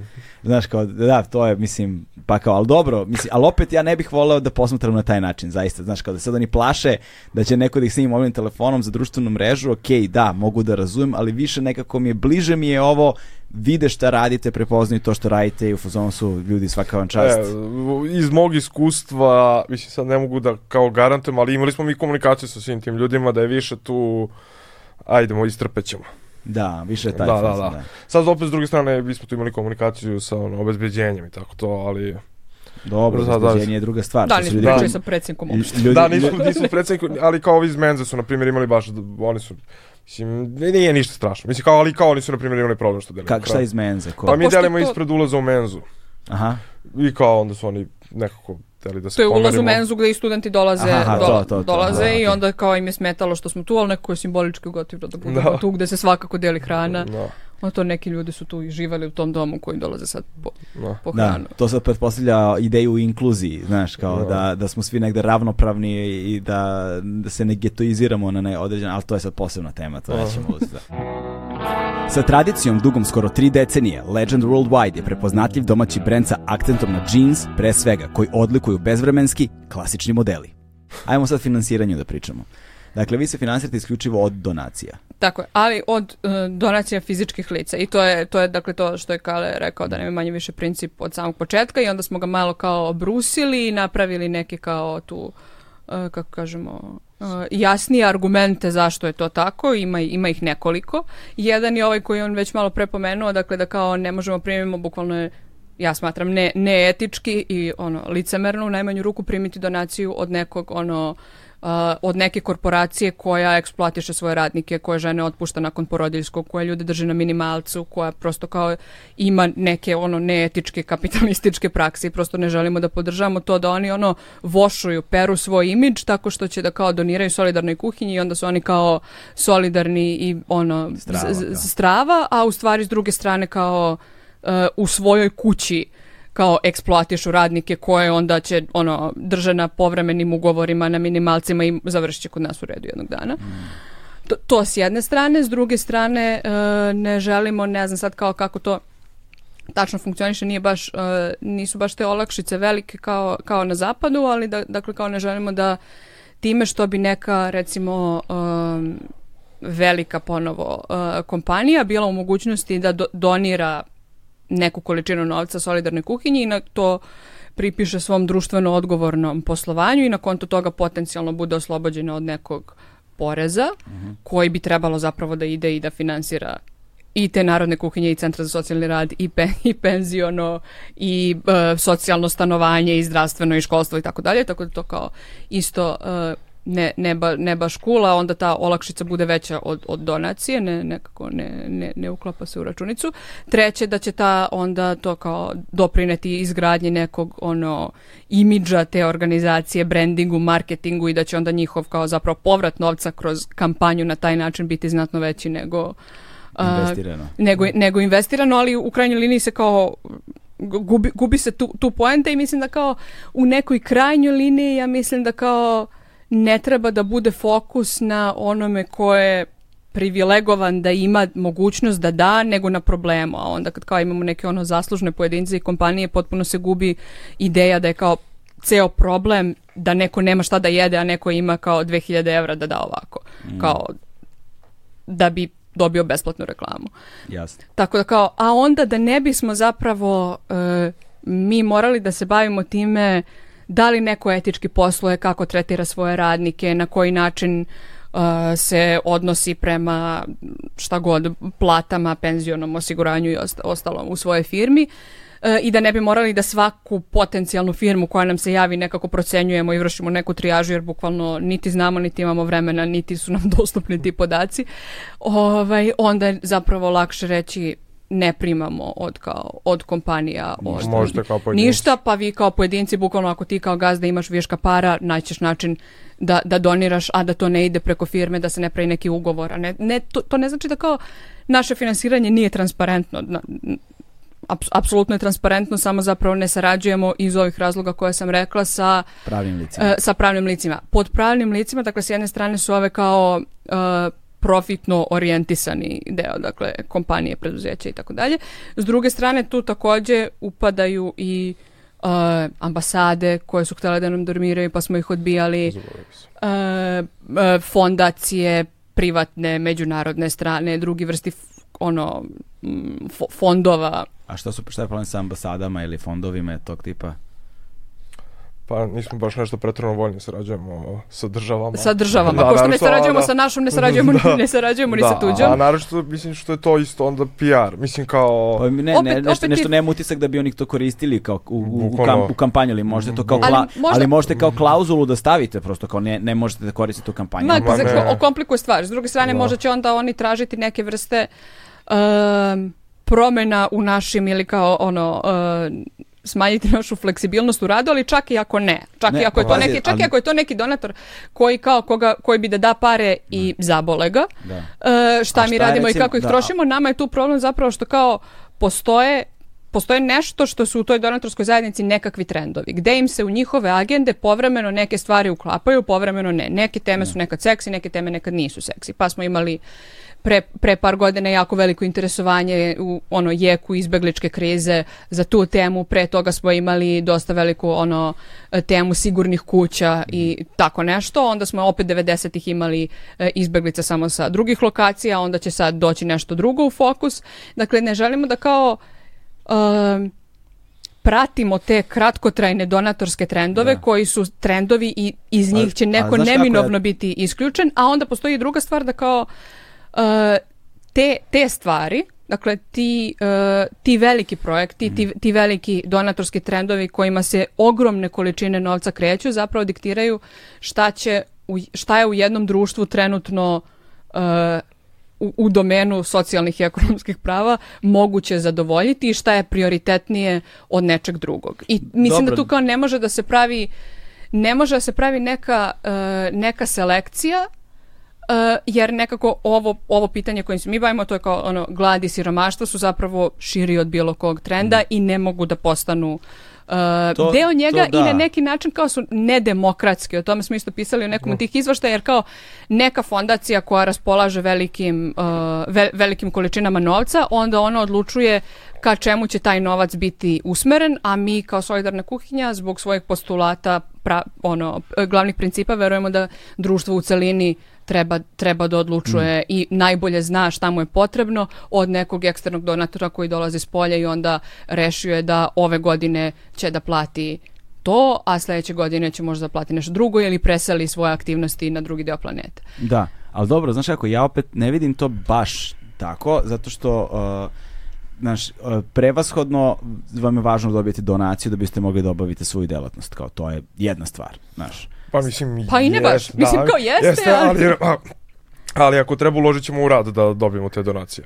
Mislim, Da, znaš da, kako, da, da. znaš, sad ovako kad postavimo, ja sam sad bi to palo napred, možda treba postavimo drugačije, nije da kao sad mi odbijamo pare, Da. nije kao da mi ne, nego mi imamo...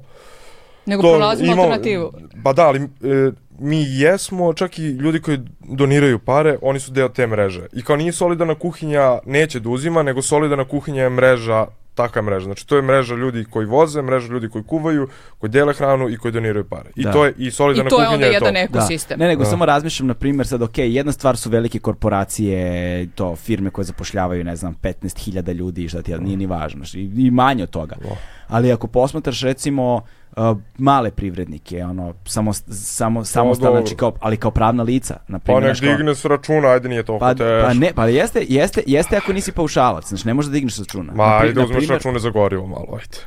Pa ne, Ajde, ne možeš, ali, to- treba da ne, od viška izvi- svog da profita. se- Da, Da. da, da se ne zadržavamo na, da. Da. se ne zadržavamo samo na tome, nego da se ne zadržavamo na tome da ne uzimamo bez veze od teme, ali ne možeš ti zapravo sa fizičkim kešom ako imaš firmu Znaš, kao, ne možeš sa fizičkim kešom da radiš. Pa, možeš preko, preko kartica plaćaš to gorivo i te ručkove i šta god, sve preko kartica ide. Pa dobro, nek, Govorimo o tome ako si DO, Snaći ne ako si, pa, ako si paušalac, to je druga stvar. Paušalac može digne ono na bankomatu. Ali ako nisi paušalac, ne možeš čoveč. pitaš računovođu reći ti kako. Pit pozove, Ili, ili u svakom, kupiš slučaju, ili u svakom slučaju ne, ne dižeš pare od Da. firme, nego od svog profita i svo, Dobro, da, da, svoje da, zarade mislim. E, da, ali ne novac. možeš, uh, ali ti ako recimo si, uh, ako si, ako si u firmi, ti nemaš, uh, ti imaš, svoju, ti imaš svoju zaradu, to je jedna stvar, platu svoju imaš, to je jedna stvar, ali ti imaš svoj profit, na primjer, e, ali profit ne možeš da uzmeš.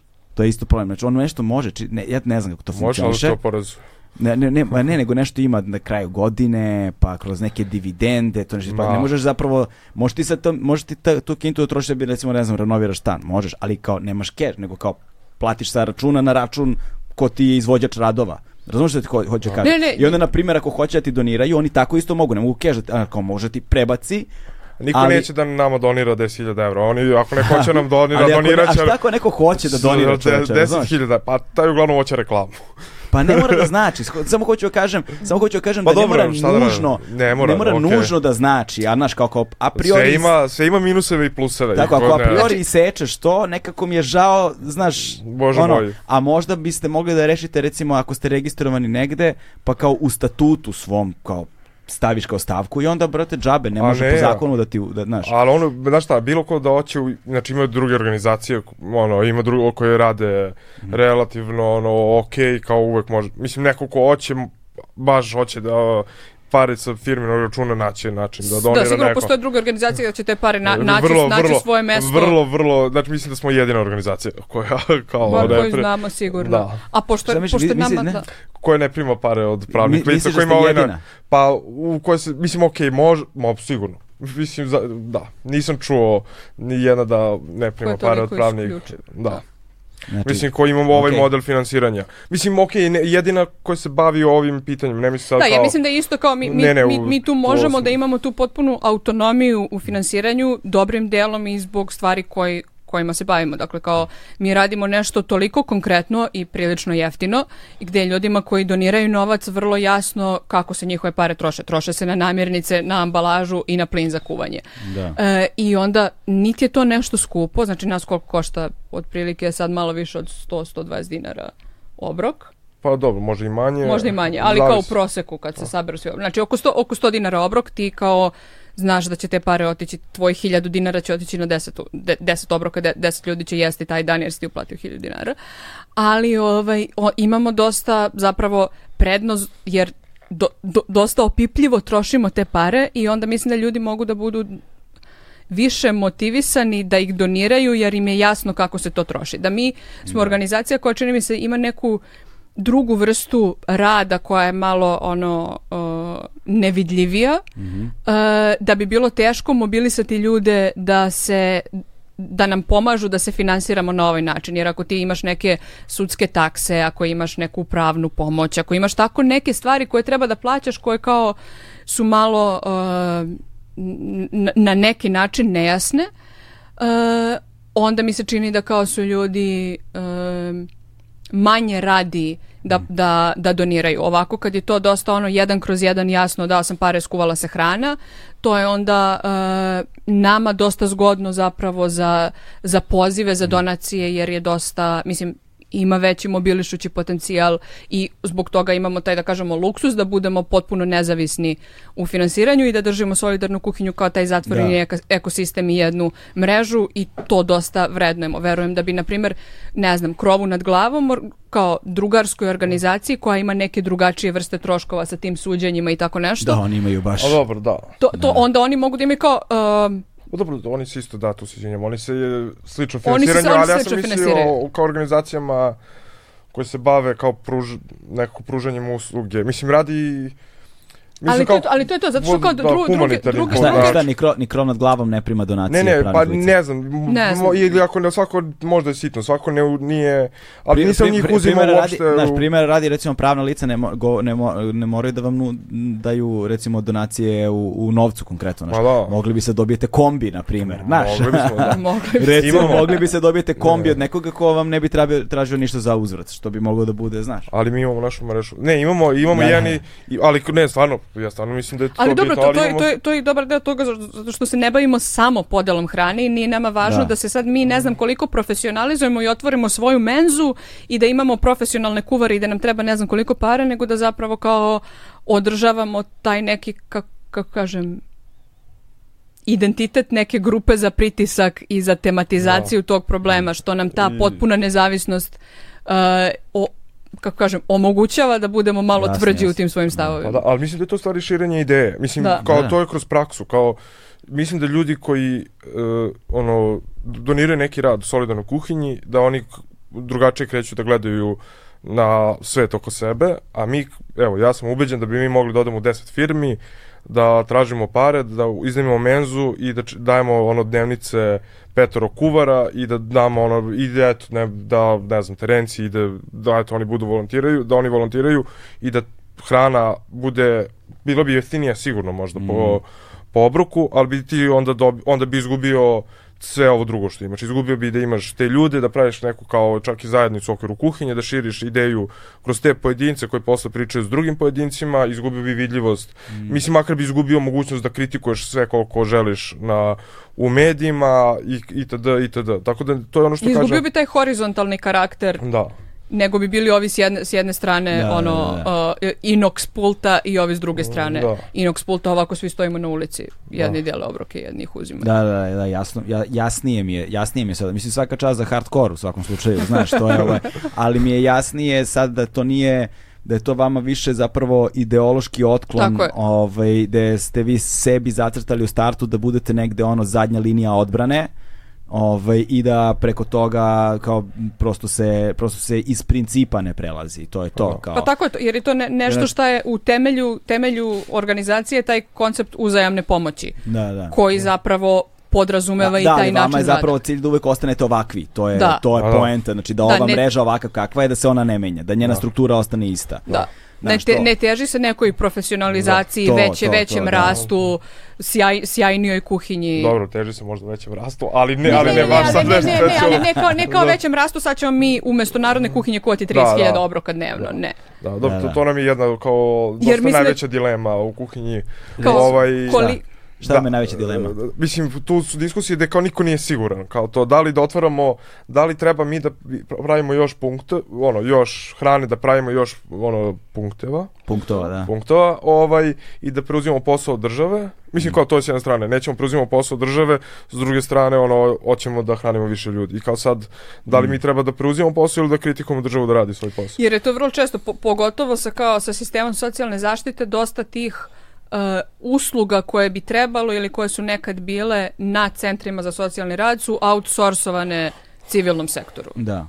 I onda kao nema, mislim, sigurne kuće su isto primjera radi, nisu one su isto kao pri, privat, privatne, mislim, kao drži ih ci- civilni Ne, a- sek- okej, sektor. I kao sad- druge neke vrste, lični asistenti, pratioci dece, sve te neke stvari su kao uh, ispadaju iz sistema, outsourcuju se, idu projektno, nekad ih ima, nekad ih nema, Mm.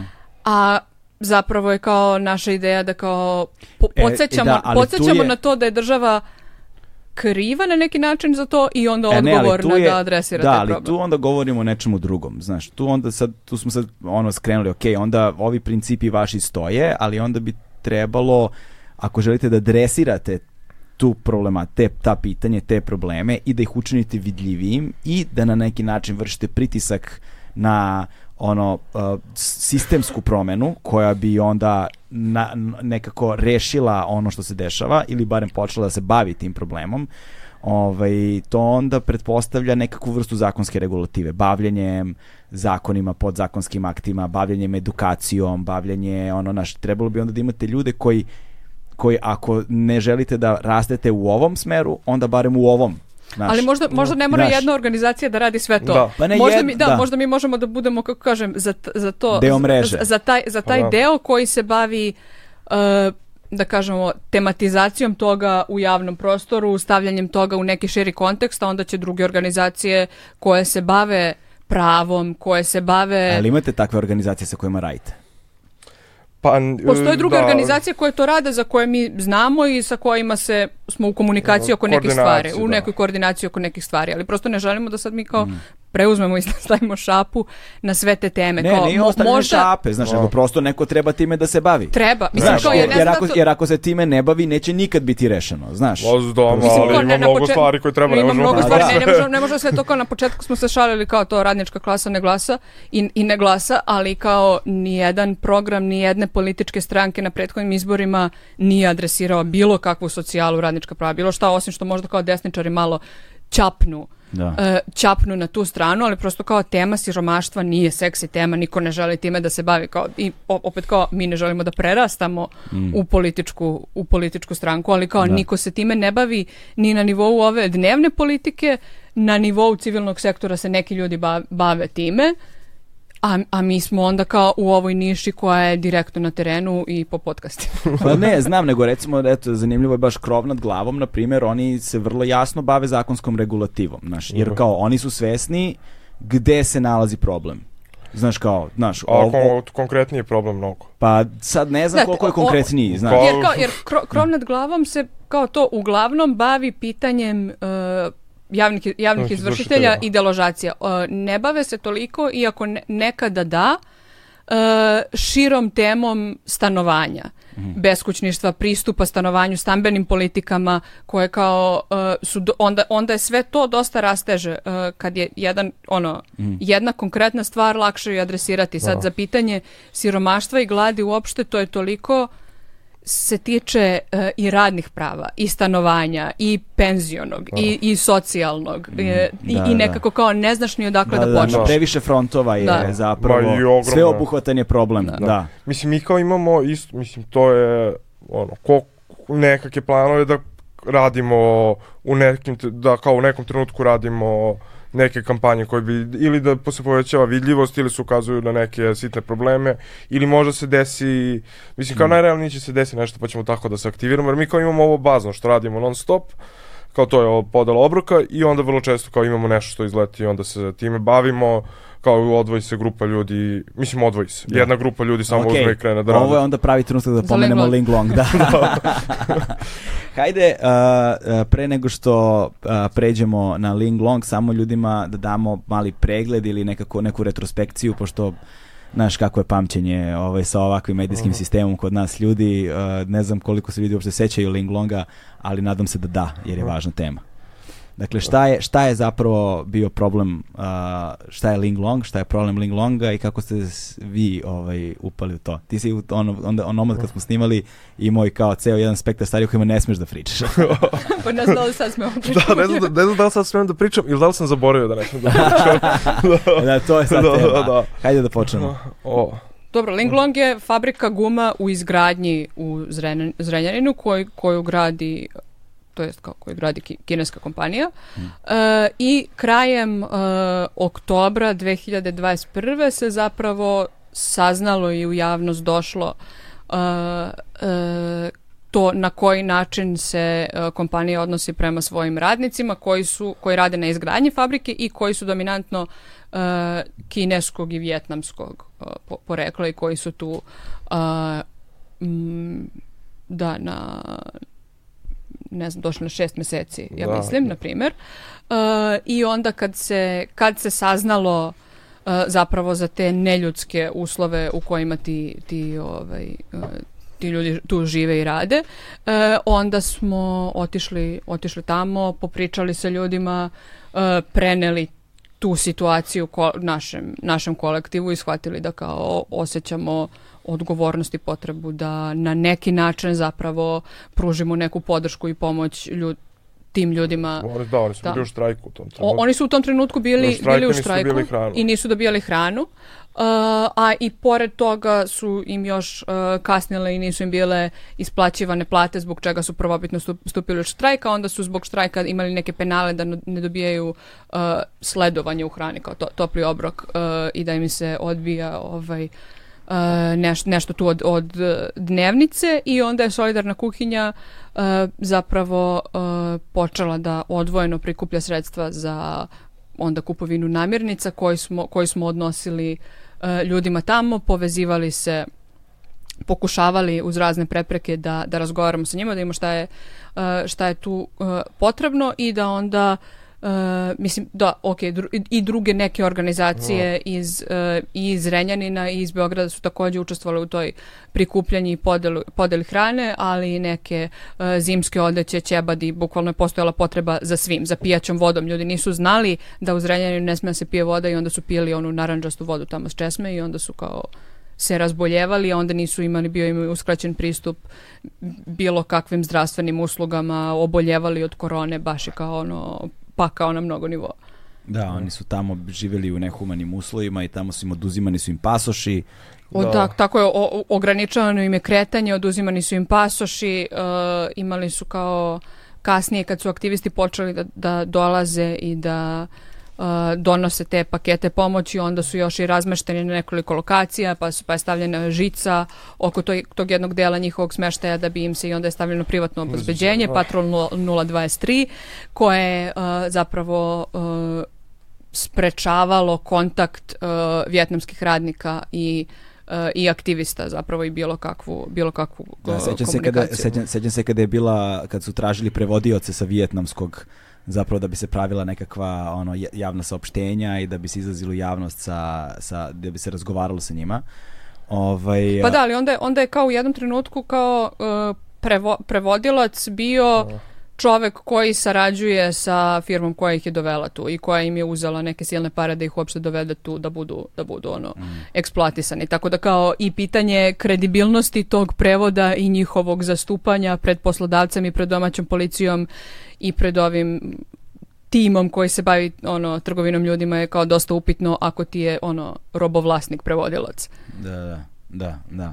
Ovaj koja je tvoja uloga bila tu? Moja. A, mene su, da. Mene Sara poslala prvi dan ja sam... Zara bilo prvi dan. da, da, onda, onda me je poslala tamo i ja sam, ne znam, to prvi dan pokušavao uveče nešto stupim u kontakt, a već je bilo obezbeđenje. Da, bio taj snimak neki na društvenim mrežama. A da, a dok, da, to je To je bilo, tipa da. treći, četvrti da, dan kad to je treći, da. Ne, prvo sam išao kao pokušavao nekako stupim u kontakt s njima, a već je bilo obezbeđenje i onda su me, mislim da se me ti naplašila, uh, vjetamci love sa zamkama. A da, znači kao ja kad sam bila tamo, to je bila subota.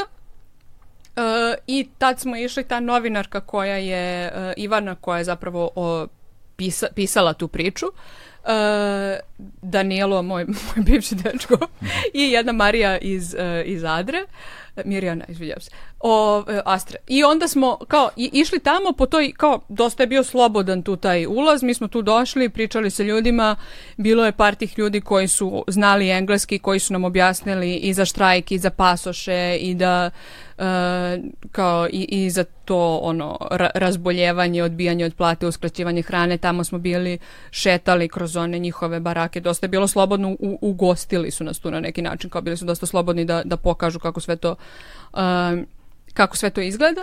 Uh, tad, tad smo i napravili neke te fotke od onih koje su posle postale viralne i kad kao je- jedna od stvari koju smo tu videli je da zapravo pošto im uskraćuju hranu zbog štrajka, da u obližnjim lovištima koja se nalazi iza tog kruga gde su oni e, gde su te radničke barake, zapravo e, oni love neke fazane, zečeve, neku sitnu, sitnu divljač i onda to pripremaju zapravo i kuvaju i ono rešavaju problem e, problem gladi i onda ja sutradan sam nešto morala poslom da idem u Kraljevo, ja sam se čula s Kaletom i rekla "A, idi ti sutra ići još neki ljudi da vidiš tamo šta se dešava, ali pazi ako ideš okolo jer su napred stavili obezbeđenje imaju neke zamke za te zečeve. Da.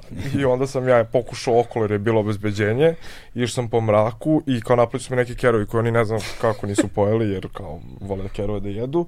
Ovaj, I onda mi to bilo jedno dosta traumatično iskustvo jer sam bežao od kerova, idem po mraku i sve vreme zamišljam kako će nešto mi zgrabi nogu kao neka.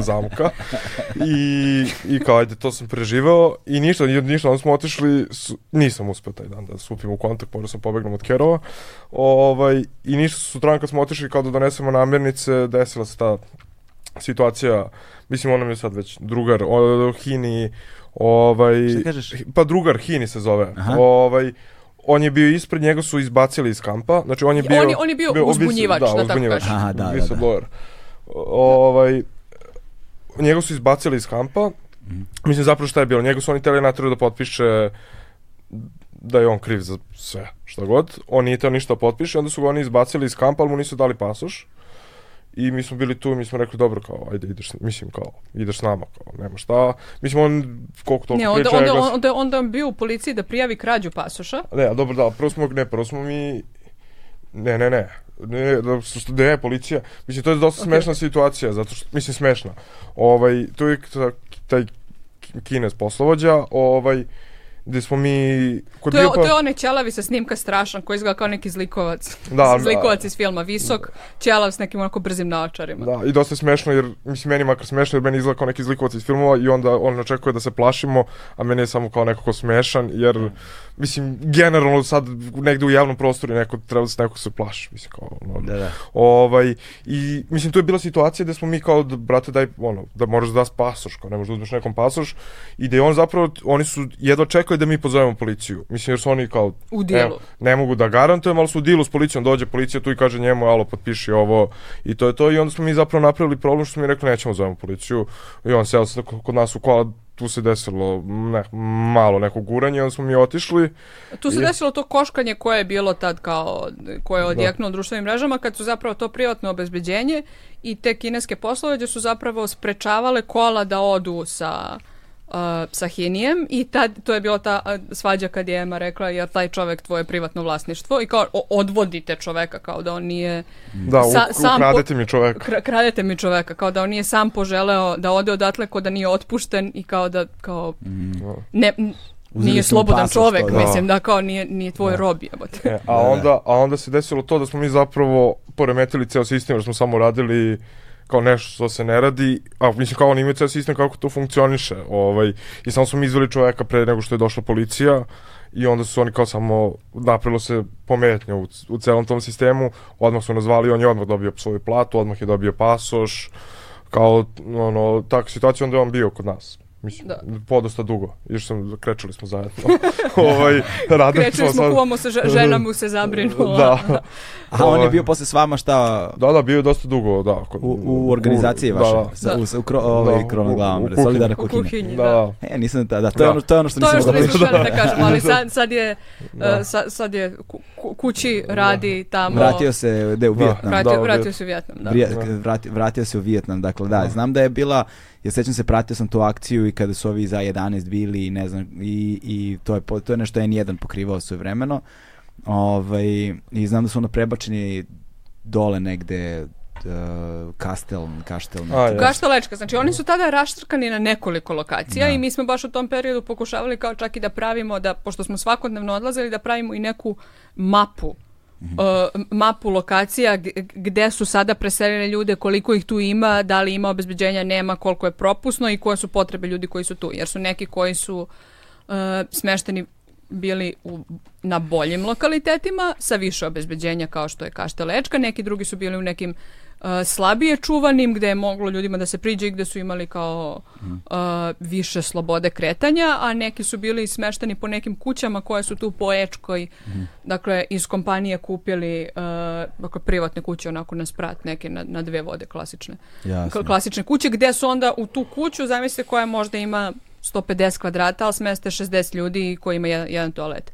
I onda su i komšije naravno iz cele ulice potpuno uznemirene jer ne znaju šta se dešava jer što je ovde 60 ljudi koje ono pišaju po dvorištu jer nemaju gde drugo i čuva ih obezbeđenje pa onda kreću da se šire teorije zavere kako su tu zatvorenici koji su ovde na prinudnom radu pa i se ljudi iz sela plaše Je- i ono ne stupaju s njima u komunikaciju pa onda pričamo i sa komšijama koje su tu da im objasnimo kakva je situacija i da zapravo onda se onda su nešto pravili to je bilo vreme svinjokolja pa su pravili neke čvarke ne- nešto pa su ih zvali i žena im je neka pekla krofne pa im je delila preko ograde Ovaj, ali je to onda, dakle, na nekoliko lokacija su raštrkani i to je u stvari sve bilo da bi se aktivistima, znači ne samo nama i A11 i Zrenjanski socijalni forum i kogod je išao drugi da kao tamo nosi razno razne stvari ili da pokuša da dobije puno moći, da ih pravno zastupa ili svašta nešto drugo, da se spreči i ograniči mogućnost kontakta radnika sa aktivistima I medijima.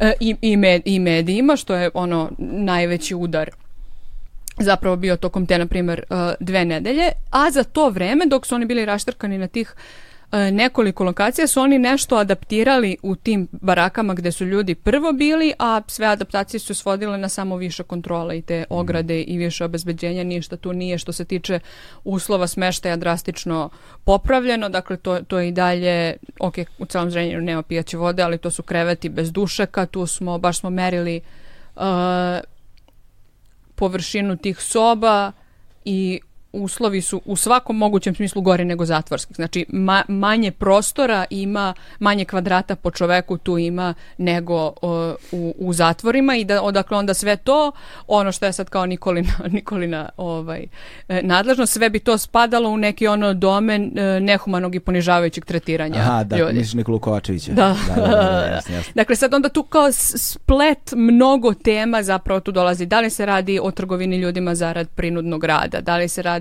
o tom kao još ono nehumanom i po- ponižavajućem tretiranju radnika? Da li se radi o, o radničkim pravima i kak, kakve to veze ima sa našim zakonom, e, zakonom o radu? Kakve to veze ima sad onda? Znači, kao bu, bukvalno prekomplikovana stvar koja se ono na, na sto načina slomila e, nad tim jadnim ljudima i koliko pratim, pratim vesti, mislim su svi vraćeni Mm, ne znam, Ne od znam, one ja- grupe. Ne pa ima još tamo. Da, da, ali da je ona prva Aha, tu, moguće, tura da. koja je bila tad, da su oni sada kući, Da, vrlo moguće. Mislim znam da je dobar deo te ture otišao. i- otišao, da, da, još, da, da, ali sad kao do- dolaze neki novi, neki Da. novi radnici, mi sa kineskim radnicima nismo imali nikakav kontakt, oni su bili pod mnogo strožijim uh, strožijim nadzorom Da. ovaj, uh, sve vreme i nisu bili, da li zbog je, jezičke barijere, ali prosto nisu bili ovaj, otvoreni za komunikaciju, to kao nekad je komunikacija izgledala preko ograde, gde, gde- dok dodajemo mandarine, oni dodaju ono neki papirić na kome su napisali na Google Translate engleskom nešto da prosledimo novinarima. I do, dosta, uh, mislim, baš mnogo straha uh, zbog s- tog silnog nadzora i tretmana uh, i prosto toga što su ono hiljadama kilometara od kuće gde se Da. plaše ako se oni za nešto budu bunili kakav će biti tretman njihovim porodicama nazad, oni su u velikim dugovima da bi uopšte mogli tu da dođe, postoje dakle, dosta je poznato kako se kako se država Vjetnam o, u skorije vreme odnosila prema štrajkačima i uzbunjivačima uh, i u slučaju nekih uh, žena koje su radile kao, kako se to zove, U tekstilnoj industriji, valjda. E, u tekstilnoj industriji, na primjer u Libanu ili tako Da, nešto, i, Sirije. ja. e, a, ili u Siriji, a i o ove žene koje A, rade čistačica u Saudijskoj Arabiji. čistačice u Saudijskoj Arabiji, dakle isto dosta bilo kao mislim, nameštanja saobraćenih nesreća, bukvalno, Da. kao do, do, do, do te mere i onda kao postoji dosta straha i dosta još kao nerazumevanja, jezičke barijere, opet smo mi kao neki drugi ljudi koji nešto dolaze, ni oni ne znaju ni ko smo mi, ni šta Da. možemo da uradimo i onda je Da. to baš bilo... A ne znaju baš kako kod nas stoji novinarstvo. Da. Da, Ma pa ne, ne, pa to je- nije, to je- pa nije ni kod njih. Nije ni da kod njih nešto da, bolje, da, znaš, da. ali to je bilo Da. kao jedan uh, u jednom trenutku je kao uh, su bili ovi, ne znam, uh, e, N1 i Nova i još neki, novi, neki novinari koji su to kao izveštavali, Birn, šta god, koji su izveštavali na jedan način, onda se naravno treći dan, četvrti pojavio Pink koji onda snima, snimao reportažu da je sve potpuno ok i onda su doveli jednog čoveka koga su ono naučili, nau, naučili šta treba da kaže kao evo sve, sve potpuno Ma ne. ok i onda se kao Ali to meni, meni to je jedna od najluđih priča. Zato ali što ko je to bio? Da, da, da. da, da, to, je, to, to je bilo baš, e sad ne znam ko, ma možemo to sad pričati. Mislim, da. Mislim, sa sad ovo vreme prošlo da. Da. možemo. Znači, to, to, to nije bilo koji čovek. Oni su doveli čoveka da kaže da je sve okej čoveka koji je dva dana ranije rekao na engleskom- rekao istinu, rekao, rekao istinu. I onda su od svih ljudi oni uzeli njega, da on kaže da je sve okej. A, na, a još je između toga bio po nekoliko sati zatvoren uh, u prisustvu policije i kineskih menadžera gde ne znamo šta se desilo u tom periodu i šta su mu rekli. Uh, I tog čoveka sam imala priliku da sretnem u Ečkoj kad smo obilazili neke, neke od tih kuća gde je on dolazio ka, kad do, uveče donosimo, donosimo namirnice, on bi prz, prvi izašao i kao everything is okay, we don't need anything, go away, go away. Uh, a dok, kao, dok on to govori, drugi radnici prilaze i uzimaju sve što smo sve što smo doneli, ali oni u nekom kao sve vreme se okreće i govori da je sve okej, da se sklonimo i da se sklonimo u jednom trenutku nas dvoje se pomeramo malo dalje um, od tog ulaza i od tog obezbeđenja i ja ga pitam jel se plašiš da, da kao kažeš nešto i on ovako ništa ne govori, samo ovako krenu glavom, ja kao, jel možeš da mi daš, jer već dotad imamo razmenjene brojeve telefona sa nekim od radnika, pitam jel možeš da mi daš broj telefona pa da mi napišeš posle? Kao uh, šta se dešava? I on, kako vadim telefon, on me ovako udari po šaci da kao da sakrijem da niko ne vidi da mi sad oboje držimo tu telefone i da nešto uh, razmenjujemo. I onda mi kaže, zaledila se tad, kaže I speak, you remember. I onda mi on izdiktira cifru po cifru broj svog mobilnog telefona, da ga ja zapamtim, da niko ne vidi da sam ja tu nešto upisala i da se onda naknadno naknadno čujemo. Dakle, jer kao bukvalno to znamo od drugih radnika da su njega uh, držali u nekoj sobi nekoliko sati i da se nakon toga vratio i bukvalno bio ono izaslanik poslodavca koji je tu ono onda on šikanirao dru, druge radnike koji su bili smešteni u tom, uh, u tom smeštaju u Ečkoj koji je recimo bio ta kuća u kojoj je bilo 60 ljudi, jedan od tih sa najgorim uslovima i naj, uh, najtvrđim obezbeđenjem. I speak you remember, a? I speak you remember. Brat, šta ti je život? Da. Šta ti je život? Te sad da se vratimo malo na ovaj, lokalne. Na vedrije teme. nema, ne- nema, nema ovde vedrih tema, znaš, ali, ali, ali, ali, za, ali za to ste se odlučili, znaš. I to je meni za svako poštovanje i zato ste i ovde na kraju krajeva. Ovaj, um, da pomenemo samo još jednu stvar pre nego što ovaj, uđemo u taj finalni deo razgovora. Dakle, a, ta druga stvar koju sam video sad, to, baš, u pe, baš u periodu kada smo mi snimali onu jadnu neuspelu epizodu, ovaj, a, na društvenim mrežama se pojavio taj čuveni obrok šta je bio los, los, Aha. Ne, šta je to bilo beše? Losos? Vlast, Losos. da, s- Pasta s lososom. Da. Pasta s lososom, tako nešto, nemam pojma, nešto Da. je bilo. Nemo što nemaš pojma. Da, pa ne, ne, ne sjećam se, davno je bilo, znaš, samo, samo, zna, samo znam da mi je bilo neverovatno, to, kao bio sam, ja, e, kad- sećam se kad sam vidio fotografiju, bio sam, bio sam oduševljen, kao wow, kao strava, znaš, ovaj, nekako razbija se taj stereotip o siromaštvu ovaj, i o dostojanstvu i tako dalje, kao, znaš, super, znaš, ako mogu da se obezbeđuju ono, odlični obroci, ukusni obroci, raznovrsni obroci, to je, znaš, ono, odlična, odlična stvar. I onda sam ušao na komentare i bio sam, ono, ono, po, po ko zna koji put u životu sam sebi rekao, zašto, brate, uziš na komentare, nemoj to nikad više u životu da radiš, znaš, kao, ovo nema nikakvog smisla. Ovaj, a, I vi ste imali celu ono online kampanju posle oko toga, nešto mi, koliko, se, koliko se ja sećam. Ja imam dosta loše pamćenje, ne sjećam se kampanje, mislim, sjećam se cele stvari. Pa kampanja, mislim, Da, trajalo je da, to sad nekoliko trajalo dana. Da. ljudi, su pravili mimove, potpuno ljudi koji nemaju veze to pravili jeste, su. Bilo da, baš nekih da, ono, da, da, da, da. bilo baš super fora. Onaj kao, znaš onaj Rus kao što ne sme da pije. Uh, pa znaš kao kad je bila ona Njet. sovje, sovjetska kampanja za kao sprečavanje alkoholizma i onda je onaj poznati poster sa nekim ono likom u odelcu i onda mu neko pruža čašicu i ono kaže njet. E Aha, onda su ja, ljudi da. napravili to kao neko pruža losos i on kaže njet. da, da, da, da, da, da, da, da, da, da, da. Ovaj, da. Pa, ali to je, to je ono što smo pričali o zabludama, Da. šta imaju i to ono... Mislim, prvo da se razumemo, mi smo taj losos Dobili. to- dobili, to je bila donacija, ali i da ga nismo, ali- ali ali, da da ga, ali da ga nismo, dobili. a i da ga nismo dobili, kao da je neko rekao je, ajde da pravimo lososa, kao malo je skuplje, mislim, kao što Evo šta da- se danas kuva isto, kao kuva se neka piletina sa kuskusom i bademima i kajsijama. Kao Da. baš je kao Baš je strava. strava, Da. da, da, baš je strava. Da, ma mislim, ljudi su imali kao, mi smo imali ono, uh, stao mi je kruške, brate, ne mogu se Da, kako da, da, kruške. kao kruške su kuvane u vinu i onda pored toga šlag. I onda na Twitteru kao, u je, kao se bukvalno se kurčite s Da, tim. kao šta će ljudi da jedu kruške, brate. Kao kruške kuvane preterujete. kao u ono najjeftinijem vinu u tetrapaku kruške i Ali kao nije bitno, šlag, ali to- i, kao, i šlag koji košta 13 dinara u zdravoj ali, hrani. e, ali, ali fora je u tome što nije ni važno. Pa tako Pa je, da, zato što da. postoji predstava da Da. siromašan čovjek treba da da jede ono si- sirotinjsku hranu. Ne može šta sad da jede nešto... Lepo, i- nije- lepo i ukusno i ono estetski zadovoljavajuće. No. Da, da, da, estetski nezadovoljavajuće. Da, znaš, očigledno. ono, znaš, kao mora da bude estetski nezadovoljavajuće, da bude... Kao mora da izgleda kao splačina. Da, da, da, da, to, to je Nije, onda. nije zaslužio više, mislim, kao što bi sad... To je moj dosta. Znaš, Da. to je, ne, zanimljivo je kako to zapravo kao simptom razotkriva celu jednu ono patologiju odnosa prema tim stvarima. Znaš, kao celu, ceo jedan bolestan odnos ili ne znam kako bi ga nazvao uopšte, jer ja iskreno, sad, to su sad moje tendencije, znaš, ja, ja stalno pokušavam da u, u, ubedim sebe da nisu ljudi takvi, nego samo ne znaju bolje. Znaš, nekako to, je- to je sklonost moja, znaš, da i to što, znaš, nekako bilo bi baš je nek, tragično pomisliti da neko zaista, znaš, Pa vrlo često se dešava to kao lju- ljudi su tad pisali kao oni jedu lososa, a ja radim ceo mesec i opet ne mogu to da priuštim. I kao, pa da, bukvalno to je isto problem, da postoji kao hrana za bogate i hrana za siromašne i ti radiš ceo mesec i ne možeš da pojedeš nešto, šta, šta bi ti se jelo. Kao, mislim, Da. ili ovo sad kad smo imali jedan od ovih izveštaja za topli obrok, kao te- Kakav izveštaj za topli obrok? Šta imamo te kao iz- izveštaje naše ne- nedeljne gde objašnjavamo koliko smo obroka uh, i šta smo sve kuvali i onda uz to uvek pokrijemo neku uh, aktuelnu temu. Jedna od tih tema prethodne ili nedelju pre toga su bili ova uh, odluka da su, da su domarima i tetkicama u školama topli obroci uračunati u minim- minimalnu zaradu i da praktično nemaju pravo na topli obrok. Uh, iako je to u da, to sam video da, da, je strašno. i da. onda kao i onda se ljudi javljaju kao pa šta ja radim kod privatnika pa nemam topli obrok.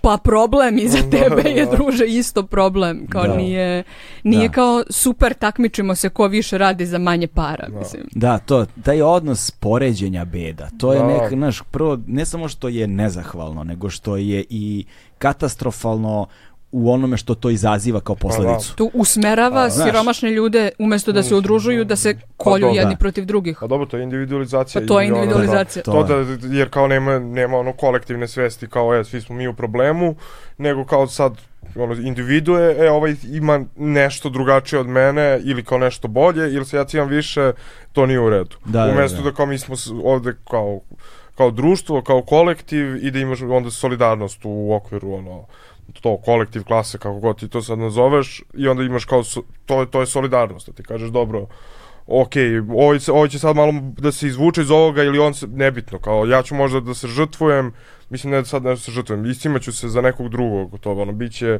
generalni štrajk, ja ću da bi podržao ono, poštare, bi pravit će štrajk ovi u vodovodu, mislim kao, Jasno. nebitno, to je da- da- solidarnost. pa da. to je solidarnost, ide- da. ideja solidarnosti to zapravo. je to, da. istimaću se da, ono, da vozim kola da bi neko ko je u još gore situaciji od mene mogu da dobije hranu ili da kuvam, mislim Da, to, da, ali to ceo to. taj moment, znaš, da se zapravo usmeravaju jedni protiv drugih i znaš, da je to negde postalo da, da, da se ljudi sami zapravo istupaju ono, u, znaš, da, je- da je to, ta, to tako podešena psihološka konstitucija da oni sad razmišljaju na taj način. Pa da. Da je to, da je to kao okvir u kojem se ono i nalaze, znači da sad s jedne strane kao da i ti što radiš kod privatnika i ti što radiš u korporaciji i ti što ono nemaš posao zapravo imate puno Svi- toga zajedničkog. Svi ste deo jedne zajednice. Da, ali kao, 40 godina se aktivno radi na tome Da. da se kao znaš, a, da se ta zajednica razgradi, da se ideja o, o, o, o solidarnosti, o, o zajedništvu Mm. zapravo kao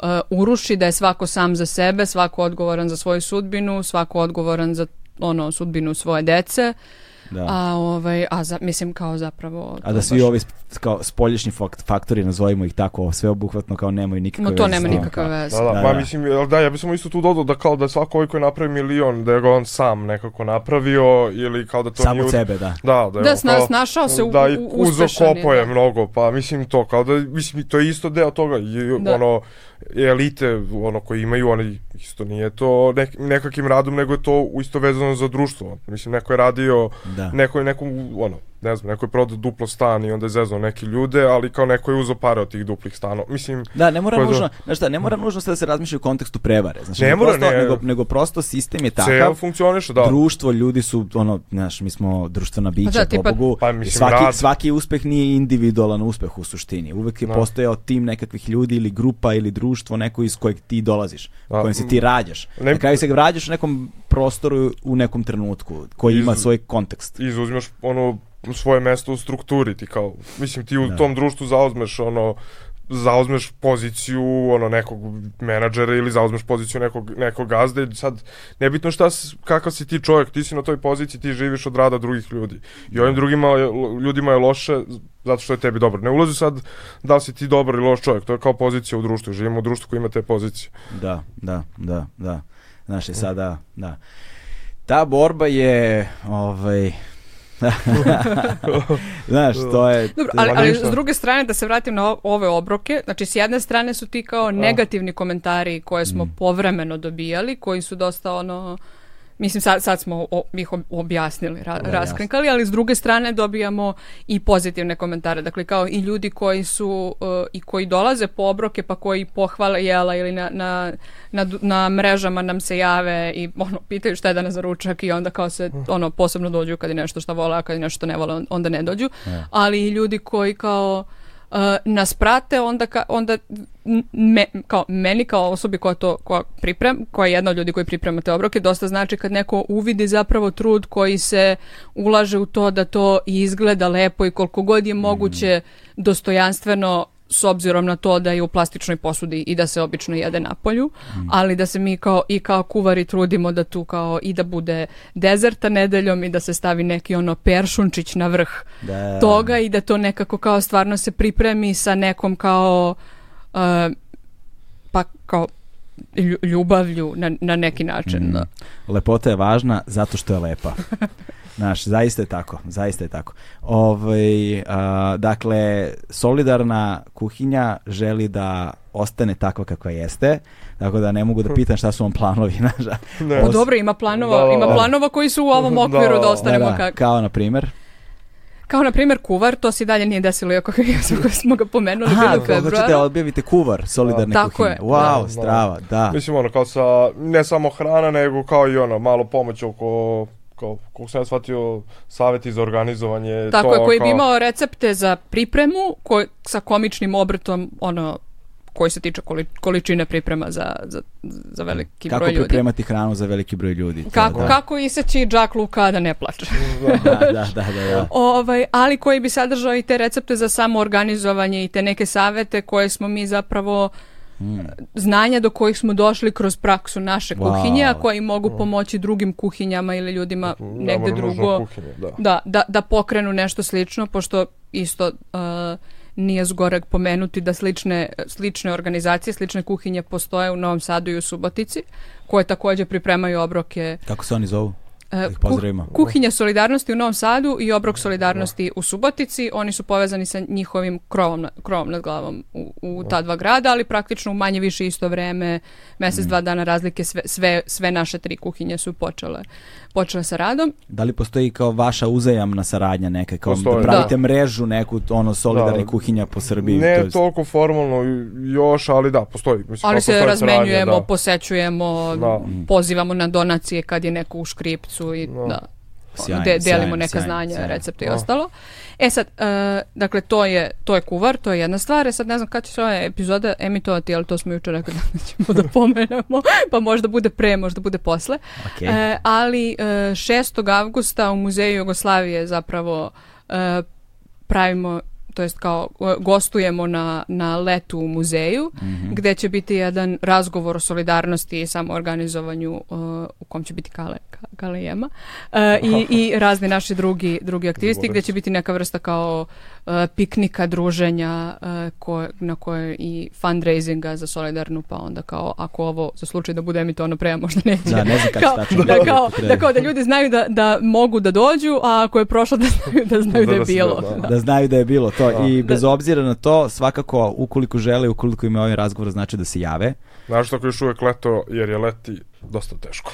da Da sad je, odu. da desetkovani ste pretpostavljam. Apsolutno, ljudi su na Svako. odmorima, E, da. renoviraju, vrućina im je da kuvaju, Da, e, e, imaju druge izdatke, sve poskupelo. E, da, dakle, sad sam se sjetio, ne možemo da završimo razgovor, da moramo da resiramo dve teme. Ovaj, jedan je onaj mental note koji sam stavio za burnout, a drugi je činjenica da su namirnice poskupele. Da. Da. Evo, kad smo se našli, baš smo, ono, kako smo pomenuli namirnice, tako je prolaznica neka stala. Ili o namirnicama pričate? ovaj, a, am, a, dakle, koliko su poskupile namirnice i koliko je vama to sada napravilo problem? ja ne idem u nabavku. i ne da kažem. Kako zovi, zovi radnika. Da, da, da, da, da, Zovi da. čovjeka, pa ne znam koliko poskupilo, možda neki kao, za, zavisi šta, ali negde oko 15 posto. Mm, ja Da. mislim, pet, 15 15 posto. Uh, što nije malo, pogotovo kad se uzme u obzir količine koje mi iz nedelje u nedelju nabavljamo. Ovaj, e, tako da to znatno poskupljuje Da, celokupan proces i onda je super. tekuće, tekuće troškove. Da, Da, tim, tim pre, ukoliko ste u mogućnosti da donirate, donirajte solidarne kuhinji. A ovaj, e sada, on, ono što sam, što sam na početku negde kao pokušao, pokušao da potenciram, da je ta, ta stvar da smo ipak svi ljudi, znaš, i radimo u organizaciji s drugim ljudima i adresiramo probleme drugih ljudi, znaš, sve je nekako ljudska stvar, ovaj, onda ona ne može da ide bez tog emocionalnog, bez tog psihološkog, bez tog ono naš ljudskog faktora prevashodno. I ovaj i sve ove stvari koje zahtevaju mnogo, a koje se izuzetno teško ako se uopšte rešavaju, znači ne znam da li je siromaštvo rešeno bilo gde u jednom, jednom društvu ovog sveta, tako da, znaš, nekada te borbe deluju Don Kihotovski prilično, a iziskuju mnogo i emocionalno i vremenski i truda i tako dalje. U ovakvim stvarima burnout, jel te to ono pregorevanje u motivaciji, u radu, preopterećenost psihička, znaš, ostavlja traga, ostavlja ožiljke i ljudi, ne sumnjam, vrlo često do udaraju taj prag, udaraju, odlaze u crveno, znaš, to vam se sigurno dešava u, u organizaciji. Ovaj, a, da li postoji neka prevencija ovaj tog burnouta, da li postoji neka vrsta savetovališta kada ljudi počnu da rade, kao je, znaš, ono, nemoj da se zalećeš, povuci U, ručnu, a, znaš, da li postoji neka vrsta, ono, pravljenja otklona ili edukacije kako da u tim nekim situacijama, posebno ti terenci, ovaj, ne nose sad taj prtljak sa sobom kući koliko god je moguće i, znaš, tako dalje. Sad, vi bolje znate, ja sad ovako samo nagađam. Pa pazi, uh, ono, glavna, mislim, glavna stvar. Jedna stvar koju, ono, bilo kome ko dođe na prijem, uvijek pričam da ako ti ne odgovara da kuvaš, ono, ili ne odgovara da voziš, samo reci ne odgovara mi. Ja stvarno mislim da to, ono, mnogo pomaže ljudima nego kad ih neko zove i onda da oni moraju da prave Mislim, nije da, da izmišljaju izgovore. Ili da izmišljaju izgovore, ili da, da, da. se pravdaju. Sad mislim da to isto ono zamara. Svako, svakom kome dođe kažemo da se, da se tempira. Mislim, ne možemo, ako neko hoće mesec dana svaki dan da radi, može, ali kao kažemo da nama kao organizaciji za njega isto bolje da on uvati tempo. Imamo za to, imaju ljudi, i mi nemamo kao nešto sad strukturalno savjetovalište, ali kao ljudi svesni smo svi ono da smo svi ljudi i da svi ono imamo trenutke kada nismo baš najbolje ovako i onda vidimo kao prosto pitaju ljudi ono kao Mislim da dođeš kako si trudimo da tu kao ono solidarnost koju promovišemo. promovišemo, zagovaramo, da je nekako negujemo i unutar da. organizacije, da kao brinemo jedni o drugima, da kao kad primetimo da postoje neke stvari koje kao neki od naših aktivista kao dosta pogađaju, da onda radimo na tome uh, i da onda pravimo neke kao izmene u organizaciji koje će kao omogućiti da se i mi kao tu osjećamo no. Da. dobro. Jedna od stvari je da je bio taj jedan dečko koji je uh, psihoterapeut koji je dosta dugo i radio sa uh, sa populacijom ljudi koji žive u beskućništvu i da onda kao ima, ima dosta i praktičnog iskustva i da se on onda javio na neki način da kao donira svoj rad mm -hmm. e, našim aktivistima i onda su imali čini mi se jednu ili možda dva neke kao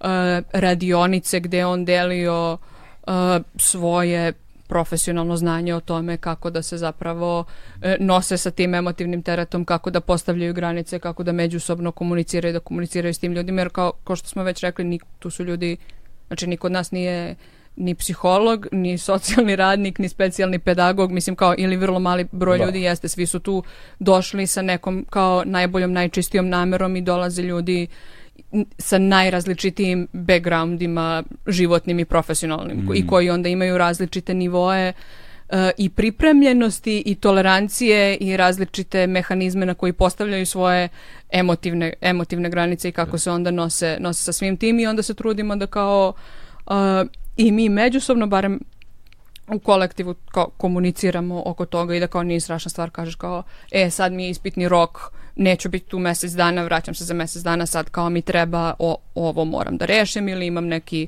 privatni problem ili neku situaciju ili idem na odmor i kao mo, moram malo da, da. iskuliram da.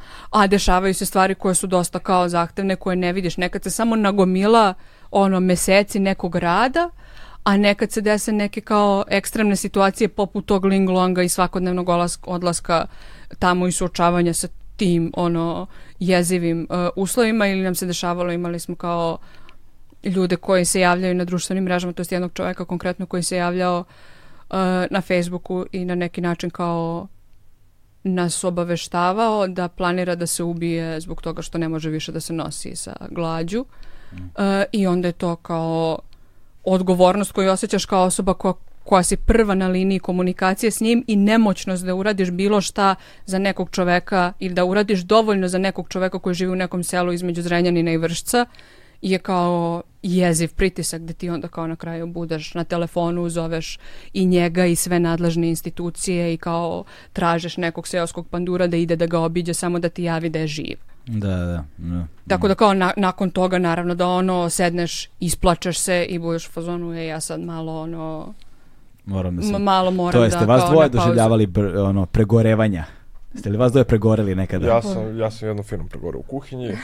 ovaj, pa ono, kad je bio lockdown, mislim to, lockdown zapravo posle toga, ali kao i dalje sve bilo onako, bilo je baš dosta posla i ja sam kao nekako radio dosta posla do samo do jednog trenutka kad sam shvatio da ne mogu više, samo sam prestao se javljam na telefon. I, i kao, i, i sad me dosta ljudi zna kao čovjek koji se ne javlja na telefon i meni zapravo nije toliko loše uopšte. To kao, Dobro, ali, ali to je super jer kao, Kao- mislim ne super, super što se ne javljaš na telefon, nego je super što kao bilo ko od nas može da kao uzme koliko mu treba vremena da se ne javlja na Da. telefon i neće se sve raspasti. Da. Organizacija je postavljena tako da kao funkcioniše bez bilo koga Da, da, da. bez bilo koga od nas i mislim da je to kao isto jedna od ono da, da nas pohvalim kao zrelosti organizacije i kao sistema koji je tu postavljen, ali i da, ja sam kao da ne izbjegam pitanje bilo u burnoutu. Je- jedan je bio taj period, znači taj čovjek koji je bio pretio samobistvom je bio paralelno sa, Ling, sa Ling Long ce, celom frkom i tim kao uh, ceo taj period je bio ono užasno emotivno iscrpljujući gde je kao ostavio, mislim, bukvalno baš velike posljedice po, po moj svakodnevni, svakodnevni život, a ne samo ono doprinos. Ovaj, doprinos kuhinji. Tako da se, mislim, ono, dešava se svima, trudimo se koliko možemo da kao ono, to preveniramo, ali ono, iz ono želje i velike motivacije i besa koji osjećaš nekad kao samo misliš samo još ovo, samo još ovo. Da. Mislim, dobro, ne dešava se kuvarima. Kao oni koji kuvaju jednom mesečno, mislim da nema burnout od toga, kao...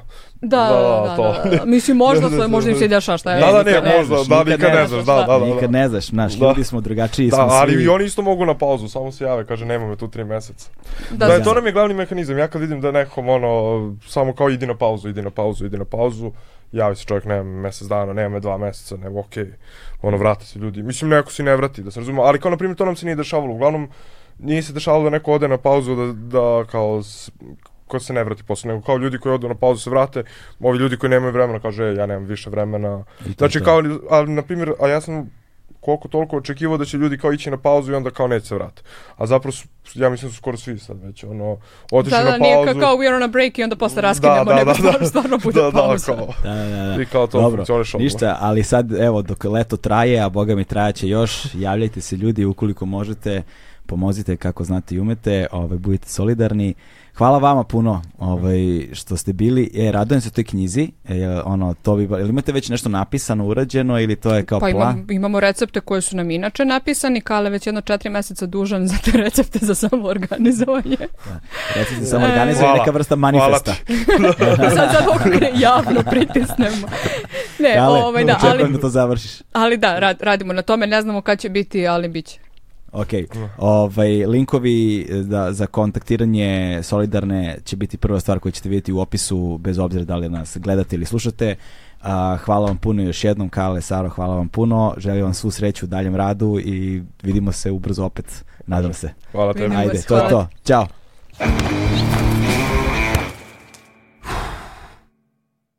Hmm.